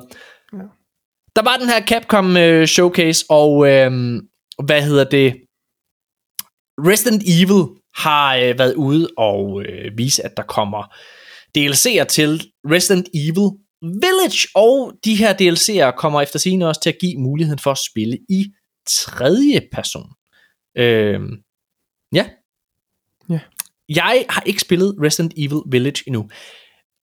Jeg vil gerne. Jeg synes bare, det ser uhyggeligt ud, Nikolaj. Jeg synes virkelig, vi skal gøre noget ud af og prøve at sidde og spille sammen. Lad os holde hinanden i hænderne. Gå igennem den mørke skov sammen. Nej, nej, det er fint. Ja, det, ja. Nej, jeg tror, jeg springer over. Vi har jo siddet og spillet Alien Isolation sammen, Nikolaj. Vi har siddet og spillet, hvad hedder det der? Øh, Ja, vi spillede det ikke ret længe. Ja, hvad hedder det gyserspil, vi spillede sammen? det? Morten? Øh, Overwatch? Nej, det hedder det ikke. Overwatch er Ej. noget andet. Det, det, det hedder den. Øh, Ej, hvor er det dårligt. Nå. Outlast. Outlast hedder Outlast. det. Der gennemførte var- vi det. Det var da Var det det første Outlast-spil, eller var det et andet? Vi gennemførte hele det Det første. var ret sjovt. Det var måske mit første sådan rigtige møde med et gyserspil, og jeg Ja. må indrømme, jeg var, altså, jeg spillede ikke ret meget, men, Nej. øh, men, men, men jeg husker at være, altså, jeg var ret imponeret øh, over det, og, og man er jo lige så investeret i et gyserspil, som man er, når man sidder og ser en gyserfilm, og det er jo det gyserfilm, de kan, det er, mm. at man kan ikke lade være med at kigge, man, kan, man er nødt til at se, hvad der sker, man, man er så investeret i det, det synes jeg, det synes, der er fedt ved, ja, så, ja, ved du hvad, måske, Morten. Øh, altså, vi sad jo også og spillede Alien Isolation, og det er jo det uhyggeligste spil, jeg nogensinde har spillet. Øh, holdet bag Alien Isolation, studiet bag, de har de sidste fire år arbejdet på et helt nyt spil, med en helt ny IP. Og det er et sci-fi FPS-spil. Det synes jeg er rigtig spændende. Samtidig er jeg meget, meget ærgerlig over, at det ikke er et Alien-spil. Nikolaj, jeg vil bare gerne have et godt Alien-spil. Jeg vil have, mm. altså Alien Isol- Isolation er i min optik det bedste Alien-spil nogensinde lavet. Lav en efterfølger. Jeg kan ikke forstå, hvorfor, hvordan kan det gå så dårligt, det spil? At det ikke får en toer. Alt får en toer. Hvorfor får Alien Isolation ikke en toer? Ej, kom nu i gang. Og jeg er ærgerlig. Jeg vil gerne have, at man laver et godt Alien-spil. Det der mm. Alien uh, Firewatch, eller Fireteam, eller uh, fuck det hedder, det siger mig ikke rigtig, rigtig, øh, det siger mig ikke rigtig noget. Og var også noget, der hed Dark Descent, der kom her altså, til det Summer Games show. Altså, det så heller ikke super godt ud. Jeg vil gerne have et Alien gyserspil, ligesom Alien Isolation. Og jeg er ærgerlig over, at dem, der har lavet det bedste, nu kaster sig over et helt nyt univers. Jeg under helt klart studiet, at de kan finde på deres eget og lave deres helt egen historie, men jeg er ærgerlig over, at der ikke kommer mere til Alien Isolation. Uden tvivl. Ja, Øhm, det forstår jeg. Nikolaj, er du fan af Assassin's Creed? Du spillede jo Assassin's Creed Valhalla. Åh, oh, det har jeg været. Altså, jeg, øh, mit, min sidste gode oplevelse med Assassin's Creed, det var faktisk... Øh, ej, det, det, okay, for at være, for at være fair, det, det var nok med, med Valhalla. Men jeg har ikke gennemført Valhalla. Jeg er nået til, jeg er nået til slutningen af spillet. Har du jeg gennemført formået- noget Assassin's Creed-spil? Ja, jeg har gennemført de gamle spil, inden de begyndte at lave det om til RPG-spil. Og, og det, det sjove er, eller det mærkelige er, at jeg har ligesom... Jeg nød virkelig at spille Odyssey. Mm. Jeg synes, det var vildt fedt og imponerende, og, og, og super, super godt spil med kæmpestor, fantastisk attention to detail, deres open world og sådan noget. Det er meget, meget stemningsfyldt. Ja. Men jeg gennemførte det ikke. Jeg kørte død i det. Og, De er for store. Og, og, de er for store. Og det er det, det, der er mit problem med de her Ubisoft-titler. De er meget, meget større, end de fortjener at være, og det er fucking ærgerligt, fordi mm. det fordærver totalt spiloplevelsen. Det ødelægger det i sidste ende. Øhm, Jeg, øh, så, så, så nej, jeg er ikke særlig hyped omkring det her Infinity-piss, de har gang i nu. Ja, altså, fordi fordi, nu er det du- er tydeligvis endnu et stort øh, hårdmodigt skridt i den samme retning igen, og det interesserer mig overhovedet ikke. Nej, og nu kan Desværre. du, det, det er nemlig det, fordi nyheden det er nemlig, at til september, der bliver det næste Assassin's Creed-spil nemlig annonceret, og det er jo nok det her øh, Assassin's Creed Infinity-spil, øh, som er sådan en game as a service, det er igen en af, af drømmene fra Ubisofts side øh, om at, at jagte den her, altså den her enhjørning, der er game as a service spil, øhm, og jeg er overhovedet ikke tændt på det, det må jeg godt nok, det må jeg godt nok sige. Nej. Øh, jeg, jeg, jeg generelt, altså det ved folk, der lytter til arkaden også, jeg er ikke fan af Ubisoft, desværre. Jeg, jeg virkelig, jeg er gået fra at synes, de var fede, øh, til at hade dem. Altså jeg, Ja. Nu nåede vi ikke, fordi vi, altså igen, kan man også høre på, Jacob han nødt til at gå før tid. Den her podcast er meget længere tid, end den skulle gøre. Hvad hedder det? Mm-hmm. Men vi nåede ikke engang at snakke om, hvad vi har spillet siden sidst. jeg har Kan spillet, vi ikke gøre det? Eller hvad? Det kan vi Skal lige slutte med. Kan vi ikke, ja, skal vi ikke slutte med det, så banke de her nyheder ud? jamen der er ikke flere nyheder. Nå, men fedt. jo, der er en, okay. Der er en eller Okay, to, der er sprunget over, men Ej, nej, for vi har snakket om The Last of Us. Ja, det er rigtigt. Det er rigtigt. Øh, vi kan lige tage den sidste nyhed så. Okay, og så snakker vi lige om, hvad vi har spillet, fordi der er nemlig en forbindelse til Ubisoft. Den sidste nyhed, Nikolaj, det er, at det betaler sig ikke at snyde.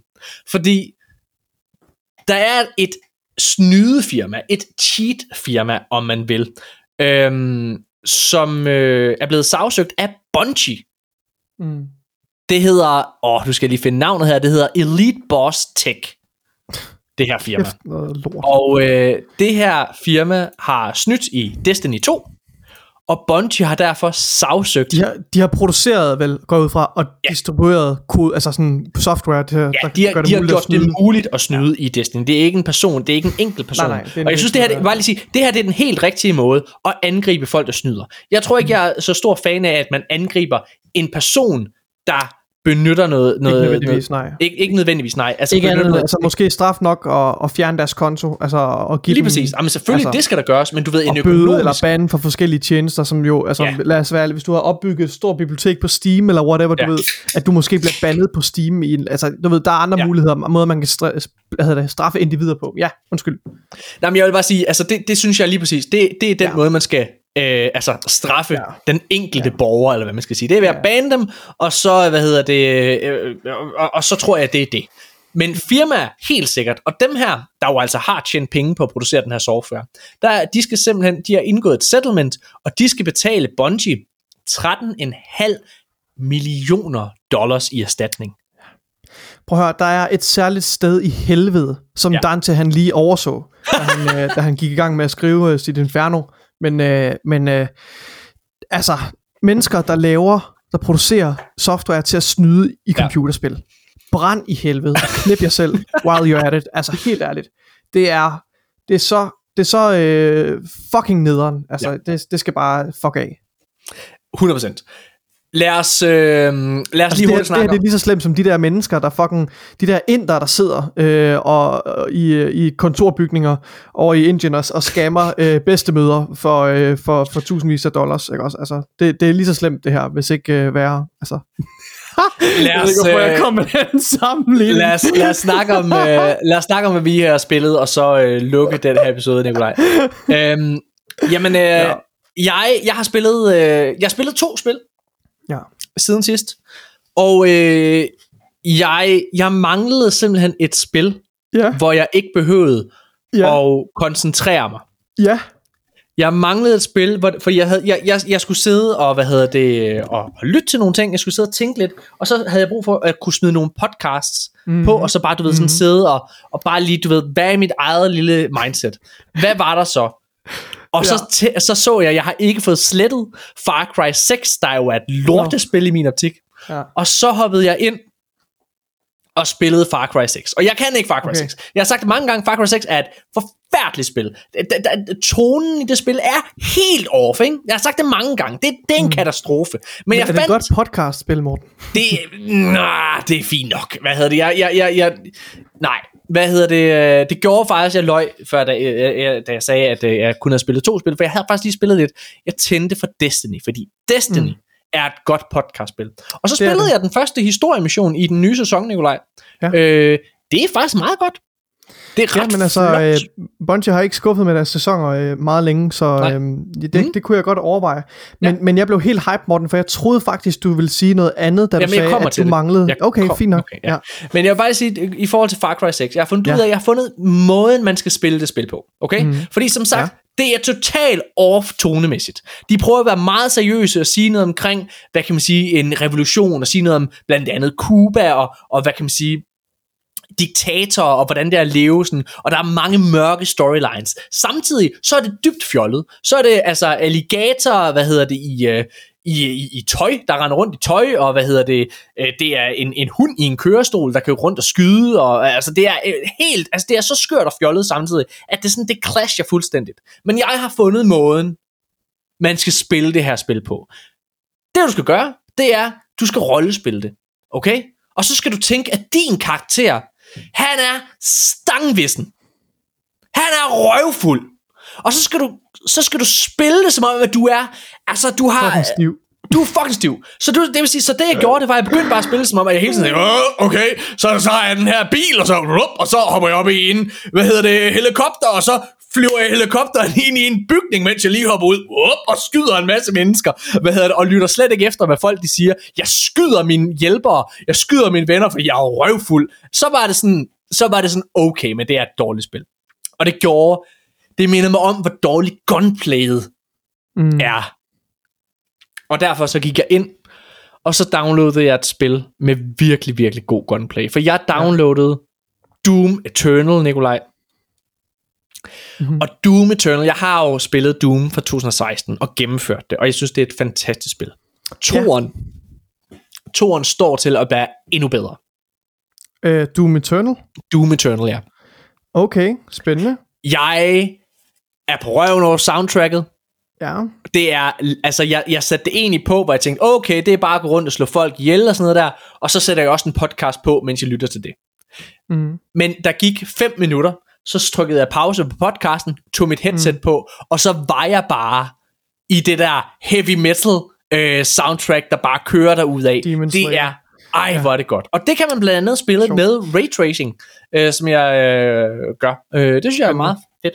Det er virkelig sjovt, Morten, fordi den, øh, den øh, hvad hedder det, tanke, hvad hedder det, strøm, du havde lige der før, der lidt op til, at du sagde, at du gik ind og spillede Far Cry, det var fuldstændig identisk med min. Altså, jeg er midt i eksamensperioden, mit hoved er helt kogt, ikke også? Og jeg Ja. ja. tænker, jeg er nødt til at spille et eller andet. Elden Ring er virkelig krævende at ja. spille der, hvor jeg er lige Ja. nu, så jeg, jeg tænker, jeg har brug for noget til at slappe lidt mere af, og bare Ja. ja. hygge mig og have det fedt. Og, og så åbnede jeg også Doom Eternal og hentede det. øh, og jeg må desværre sige, at det er virkelig sjovt, for vi har ikke talt om det her, Morten, men vi er åbenbart begge to kommet til at starte på Doom Eternal samtidig. Øh, jeg vil sige, jeg har ikke helt den samme oplevelse som dig. Den, min er faktisk lidt mere negativ. Nå. Jeg synes, at åbningen i det originale Doom, øh, det sidste Doom, vi spillede fra 2016, ikke også? Det Ja. her remaster edition. Altså, det er et, et, det er et fremragende spil, og jeg synes Enig. især, at åbningen og opladningen til, at at komme i gang. Jeg var totalt, du ved, sådan, som et lille barn, altså ja. juleaften, øh, når, når man fik et nyt våben og sådan noget, du ved, den excitement, der er omkring det. Øh, og, og, og den meget sådan humoristiske, tongue-in-cheek øh, introduktion og opbygning, der er til spillet, Ja. den manglede jeg altså bare virkelig i det her Doom Eternal. Det har Hmm. slet ikke fanget mig på samme måde. Jeg er ikke sådan, jeg, jo, jeg synes jo også, det er fedt, og, og um, animationerne er super fede og sådan noget, men jeg kan bare ikke mærke, at spillet har flyttet sig særlig meget fra Doom 2016, sådan grafisk og animationsmæssigt, og så mangler det bare den der samme stærke øh, start, og så synes jeg, omgivelserne er lidt tamme, hvor jeg synes, i, i det, i det øh, forrige Doom-spil, der, der starter du inde på den her, inde i det her, du ved, sådan sci-fi øh, installation, Ja. og der var meget mere historie vævet ind i, i det, man spillede, du ved, på sådan en, altså igen, lidt på sådan en tongue-in-cheek måde, men den var der, ikke også? Ja. Jeg føler mange af de der elementer, der mangler i det her spil, og det føles lidt lige nu, der hvor jeg har ikke spillet ret længe, jeg har spillet to timer måske, ikke også? Okay. Jeg synes, det føles lidt som Pølsemandens Doom 2016. Jeg blev Okay. ret skuffet over det, men, men, Okay. jeg, men jeg, vil, jeg vil selvfølgelig øh, lige reservere min, min endelige dom, selvfølgelig, indtil jeg har spillet noget mere.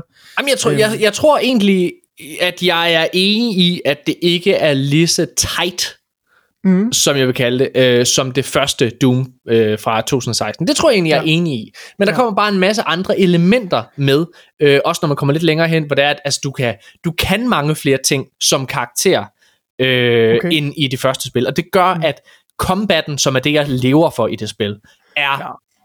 fucking sjov. Altså, de her glory kills er... Ja, Altså, det er, jeg, jamen, hvor jeg, jeg nyder hver eneste af dem. Øhm, jeg synes, de her crit kills er virkelig sjove også. Ja. Der er en, hvor du har de der flyvende hoveder, ikke også? De der flyvende kugler med, Ja. Med, det, med kæmpe store mund, ikke også? Hvor Ja. du bare, hvis du kaster en granat, eller skyder en granat ind i munden på den, Ja. det er sådan, man critter den, så Ja. ja. laver det sådan en gul Ja. lyd, og så og så når du går hen og critter den, så hiver du dens øje ud, og ja. Så bare smadrer den der så fedt. fucking sjovt. Jamen, det er altså, så jeg- genialt. Igen, altså, jeg er totalt på øh, Doom Eternal, og igen også i forhold til det der med, at der er, den er en lille bitte smule sværere, føler jeg. Okay. Øh, den er, øh, ja. Og så har jeg downloadet et andet spil, altså Doom Eternal er også på Game Pass, så har jeg downloadet ja. et andet, fordi jeg glæder mig simpelthen så meget til Deathloop, altså helt vildt. Og jeg er jo kæmpe fan af Prey, øh, og det første Dishonored. Jeg har aldrig spillet Dishonored 2. Oh. Det har jeg downloadet. Ja, hvad synes du om Øhm, det? Jamen, jeg har ikke spillet det endnu. Jeg har kun, Nej. øh, altså, jeg, jeg er totalt i Doom Eternal lige nu. Altså, det er sådan, jeg har bare, jeg havde brug for, jeg har brug for at spille noget FPS, kunne jeg bare mærke. Altså, det var ja. der, jeg var. Jeg havde brug for at spille noget, skyde, noget skydespil. Så, ja. ja. Så. Jeg har to øh, spil mere, jeg gerne lige vil snakke om meget hurtigt. Øh, det ene, det er Elden Ring, er jeg kommet videre i nu, øh, og har smidt øh, nogle timer i det hister her, og jeg er mere committed nu på, at jeg gerne vil, vil komme videre og lave noget ordentligt progress i det. Øh, og det er Hvor er du henne i spillet? Fantastisk. Jamen, jeg er faktisk nået op til, til det der, øh, hvad hedder det, til det slot, der ligger, øh, der ligger ja, er vel nord fra øh, The Academy, Ray Lucaria, øh, hvor der er de der fingermonster. Har du mødt fingermonsterne? De er klamme, ikke? Jeg synes ikke, de er lige så uhyggelige, som, øh, som, som, øh, som, som de ligesom var hypet op til, men Okay. jeg, jeg, jeg synes, de er, de er virkelig svære at kæmpe imod, og, og, og de er ret klamme. Øhm, Ja. Men der var en fed boss fight også, min nummer to øh, Great Rune, som jeg fik, som ikke rigtig er en Great Rune rigtig, men ja, det er sådan lidt mærkeligt. Øhm, ja. Men nummer to store boss, man dræber, øh, hvor jeg blev totalt snydt af bossfighten, fordi jeg troede, den, det, er sådan, meget, det er to forskellige faser, der er i bossfighten, og den Ja. første fase er meget nem, og, og der er sådan en, der er sådan en cutscene imellem dem, så da jeg spillede den første fase, så troede jeg, jeg var færdig, og jeg havde klaret bossen. det var jeg slet ikke. Øhm, men det var virkelig, virkelig, altså, ja. virkelig, virkelig flot, og det, den, det, var, det var faktisk lige netop den oplevelse, jeg havde brug for, for at blive for alvor investeret i Elden Ring igen. Okay. Det var at komme ind til den her unikke, unikke boss fight, hvor jeg skal, hvor du ved igen, der er ikke nogen quest, noget, altså der er ikke Nej. noget, der fortæller dig, andet end du bare skal observere, se og føle, hvad det, der sker omkring dig, og så, og så gennemskue øh, encounteret, det er bare fucking fedt, og jeg synes, det var meget, meget unikt og æstetisk øh, pleasing øh, og unsettling på, på den helt særlige øh, Elden Ring FromSoft måde. Jeg fucking elsker det. Altså det spil er fantastisk, og jeg, jeg glæder mig til at hælde mange flere timer i det, når jeg er færdig med, med eksamenerne. Øh, og så et andet spil, Morten, det sidste spil, som jeg vil nævne hurtigt, som du bliver rigtig glad for, at jeg starter på igen, øh, og det er øh, af hensyn til min kæreste og mig selv. Øh, så er jeg startet på Fallen Order igen Ja! øh, som jeg spiller sammen med min kæreste. Øh, så det er mig, der spiller, og så sidder min kæreste og kigger på, og fordi hun elsker Star Wars. Så ja. det, Øh, ja, og det har vi det har vi det ret øh, hyggeligt med, og jeg, jeg elsker jo at dele sådan nogle oplevelser med, med min kæreste, fordi hun altså elsker virkelig Star Wars. Og, Ja. og, og Fallen Order er jo et, et super flot og imponerende spil, øh, så det har været en rigtig, rigtig fed oplevelse indtil videre. Hvor Og langt så er du? kan jeg, øh, vi er ikke nået super langt. Øh, vi er nået til den første destination. Okay. Øh, men jeg kan mærke, at jeg er bedre rustet til at spille Fallen Order nu, fordi Ja, jeg efter Elden Ring. Ja. det er rigtig meget et Elden Ring og plus, du ved, mindre open world, men så, du ved, det her Metroidvania med, at man, man går videre, øh, kommer til en dør eller noget, man ikke kan åbne, og så mm. går man videre, og så, så skal man den vej tilbage, og alt, altså, alt det her. Mm. Det, er, det, øh, det skal nok blive godt. Det skal Jeg er kæmpe fan af Jedi Fallen Order. Jeg har jo selv Det jeg. lige øh, spillet det og gennemført det for nylig. Mm. Og det er, Det er jeg tror, det, timing det i er virkelig, ja, men altså, jeg synes, det er, jeg synes, det er mageløst. Og jeg, der, er- det er virkelig, det er en af de bedste Star Wars spil, der nogensinde er lavet. Mhm. I min optik. Mhm. Ja. Men øh, Nikolaj, jeg tror også, det er, det er den episode. Det, Det var øh, det er episode 62 for Filan, mand. Det blev endnu en, en lang børge det må man sige. for Filan. Det var virkelig, virkelig fedt at have Jacob med, og så, øh, og så synes jeg faktisk, at det var, øh, det var virkelig rart at få et afbræk fra eksamenslæsningen. Øh, Hvornår trods du skal det nok op? koster mig en karakter. Så, øh, Hvornår så er det, du skal det op? Hele værd. Øh, jeg skal op den 23. og, øh, og den 28. Okay, ja. Men det er virkelig kritisk lige nu, fordi jeg har ligesom et, øh, et kort vindue. Der er få dage her, hvor vi har tid øh, til at, at, at, at øve os øh, på nogle øvelser i laboratoriet, som er dem, vi skal øh, op til til eksamen den 28. Så selvom der er en hel uge til at skal op til den eksamen, så er der i virkeligheden kun de her næste to til tre dage, vi har til at blive klar øh, til det, der virkelig tæller. Så det er super angstprovokerende. Jeg er fucking presset lige Men jeg forstår ikke, fordi du sagde til mig, at dengang du, du, du sagde, at du havde fået din Ph.D., så tænkte du, fuck karaktererne nu. Ja, ja, fuck karaktererne, Morten, men jeg skal stadigvæk bestå mine eksamener, for at jeg okay. Kan starte på en PhD. Ikke også? Okay, ja, okay. Og lige nu føles det ikke som om, at jeg, jeg aner ikke, hvad jeg laver. Jeg er totalt fucked. Så Ej. Ja, ej, det okay. bliver godt. Spændende. Jamen, øh, jeg kan fortælle, at jeg er, jeg, jeg sidder i en, øh, i en situation lige nu, hvor, hvor altså, der er også sådan ret meget, der er mange møder. Jeg, der er rigtig, rigtig meget udvikling lige nu for mit Mhm. vedkommende. Øh, Og som jeg sagde, så, så håber vi virkelig på at få lov til at lave mere panik. Øhm, så, så det er vi begyndt at kigge lidt på, og så har vi Mm. mm. nogle spillefilmsprojekter, vi sidder og, og, og arbejder med. Øh, det, håber jeg, det håber jeg bliver sådan noget. Øh, det er i hvert fald rigtig, rigtig meget. Rigtig, rigtig meget arbejde, arbejde lige nu. Ja. Hvad hedder det?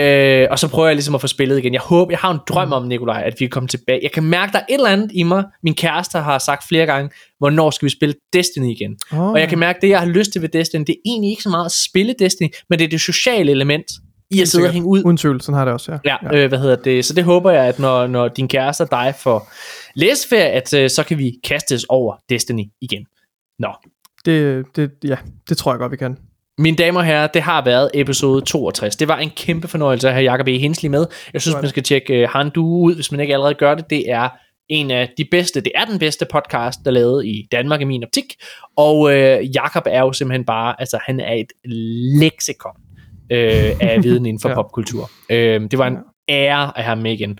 Og uh, Nikolaj, det er også en ære at stå her og kigge på dig virtuelt.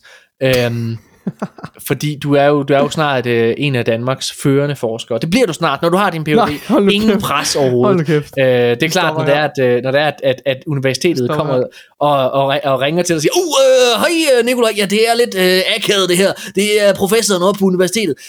Er vi kommet til at sende en mail ud, hvor der står, at du, har, øh, at du er kommet ind på Ph.D.? Det, det er jo en anden, Nikolaj. Det er, uh, satan da ja. Ja, det kan du godt glemme, men det har du heller ikke regnet med selv, vel? Nej, nej, nej, nej, nej. For filen. Nej, nej, men vi snakkes ved en anden gang også. Hej, hej. vi er tilbage igen i, øhm, i næste uge. Og der tror jeg faktisk, at vi har, øh, vi har Max C med fra den danske Gamer Elite. Og måske, så må vi se, om Nikolaj, om du er med. Jeg synes, var Han du ikke lidt presset næste uge? Øh, det kan jeg virkelig ikke love. Jeg overvejer lidt at øh, ringe Ej, til Jørgen hvad? Bjørn. Ja, det passer rigtig dårligt. Så skal vi skubbe det lidt i hvert fald. Og det skal kommer vi være- ikke til. Så Nå, ringer jeg til. Jørgen Bjørn. Så, hvad hedder det? Så tager vi Nej. Jørgen Bjørn med. Hvad hedder det? Og Max C. Ej, det finder vi ud af. Det bliver spændende. Tusind Jeg tak, vil, fordi ikke, I har lyttet jeg, vil med. ikke snydes, jeg vil ikke snydes for bjørnen. Vi ses igen. Og det er selvfølgelig Mark C, der er bjørnen. Vi ses. Okay, den røde bjørn så i hvert Den fald. røde bjørn. Nå, vi er øh, tilbage igen i næste uge. Ha' det rigtig, rigtig dejligt. Og hey, giv os lige et uh, review på iTunes eller Spotify. Gerne fem stjerner. Og se panik. Eller GG Horsens. Hej.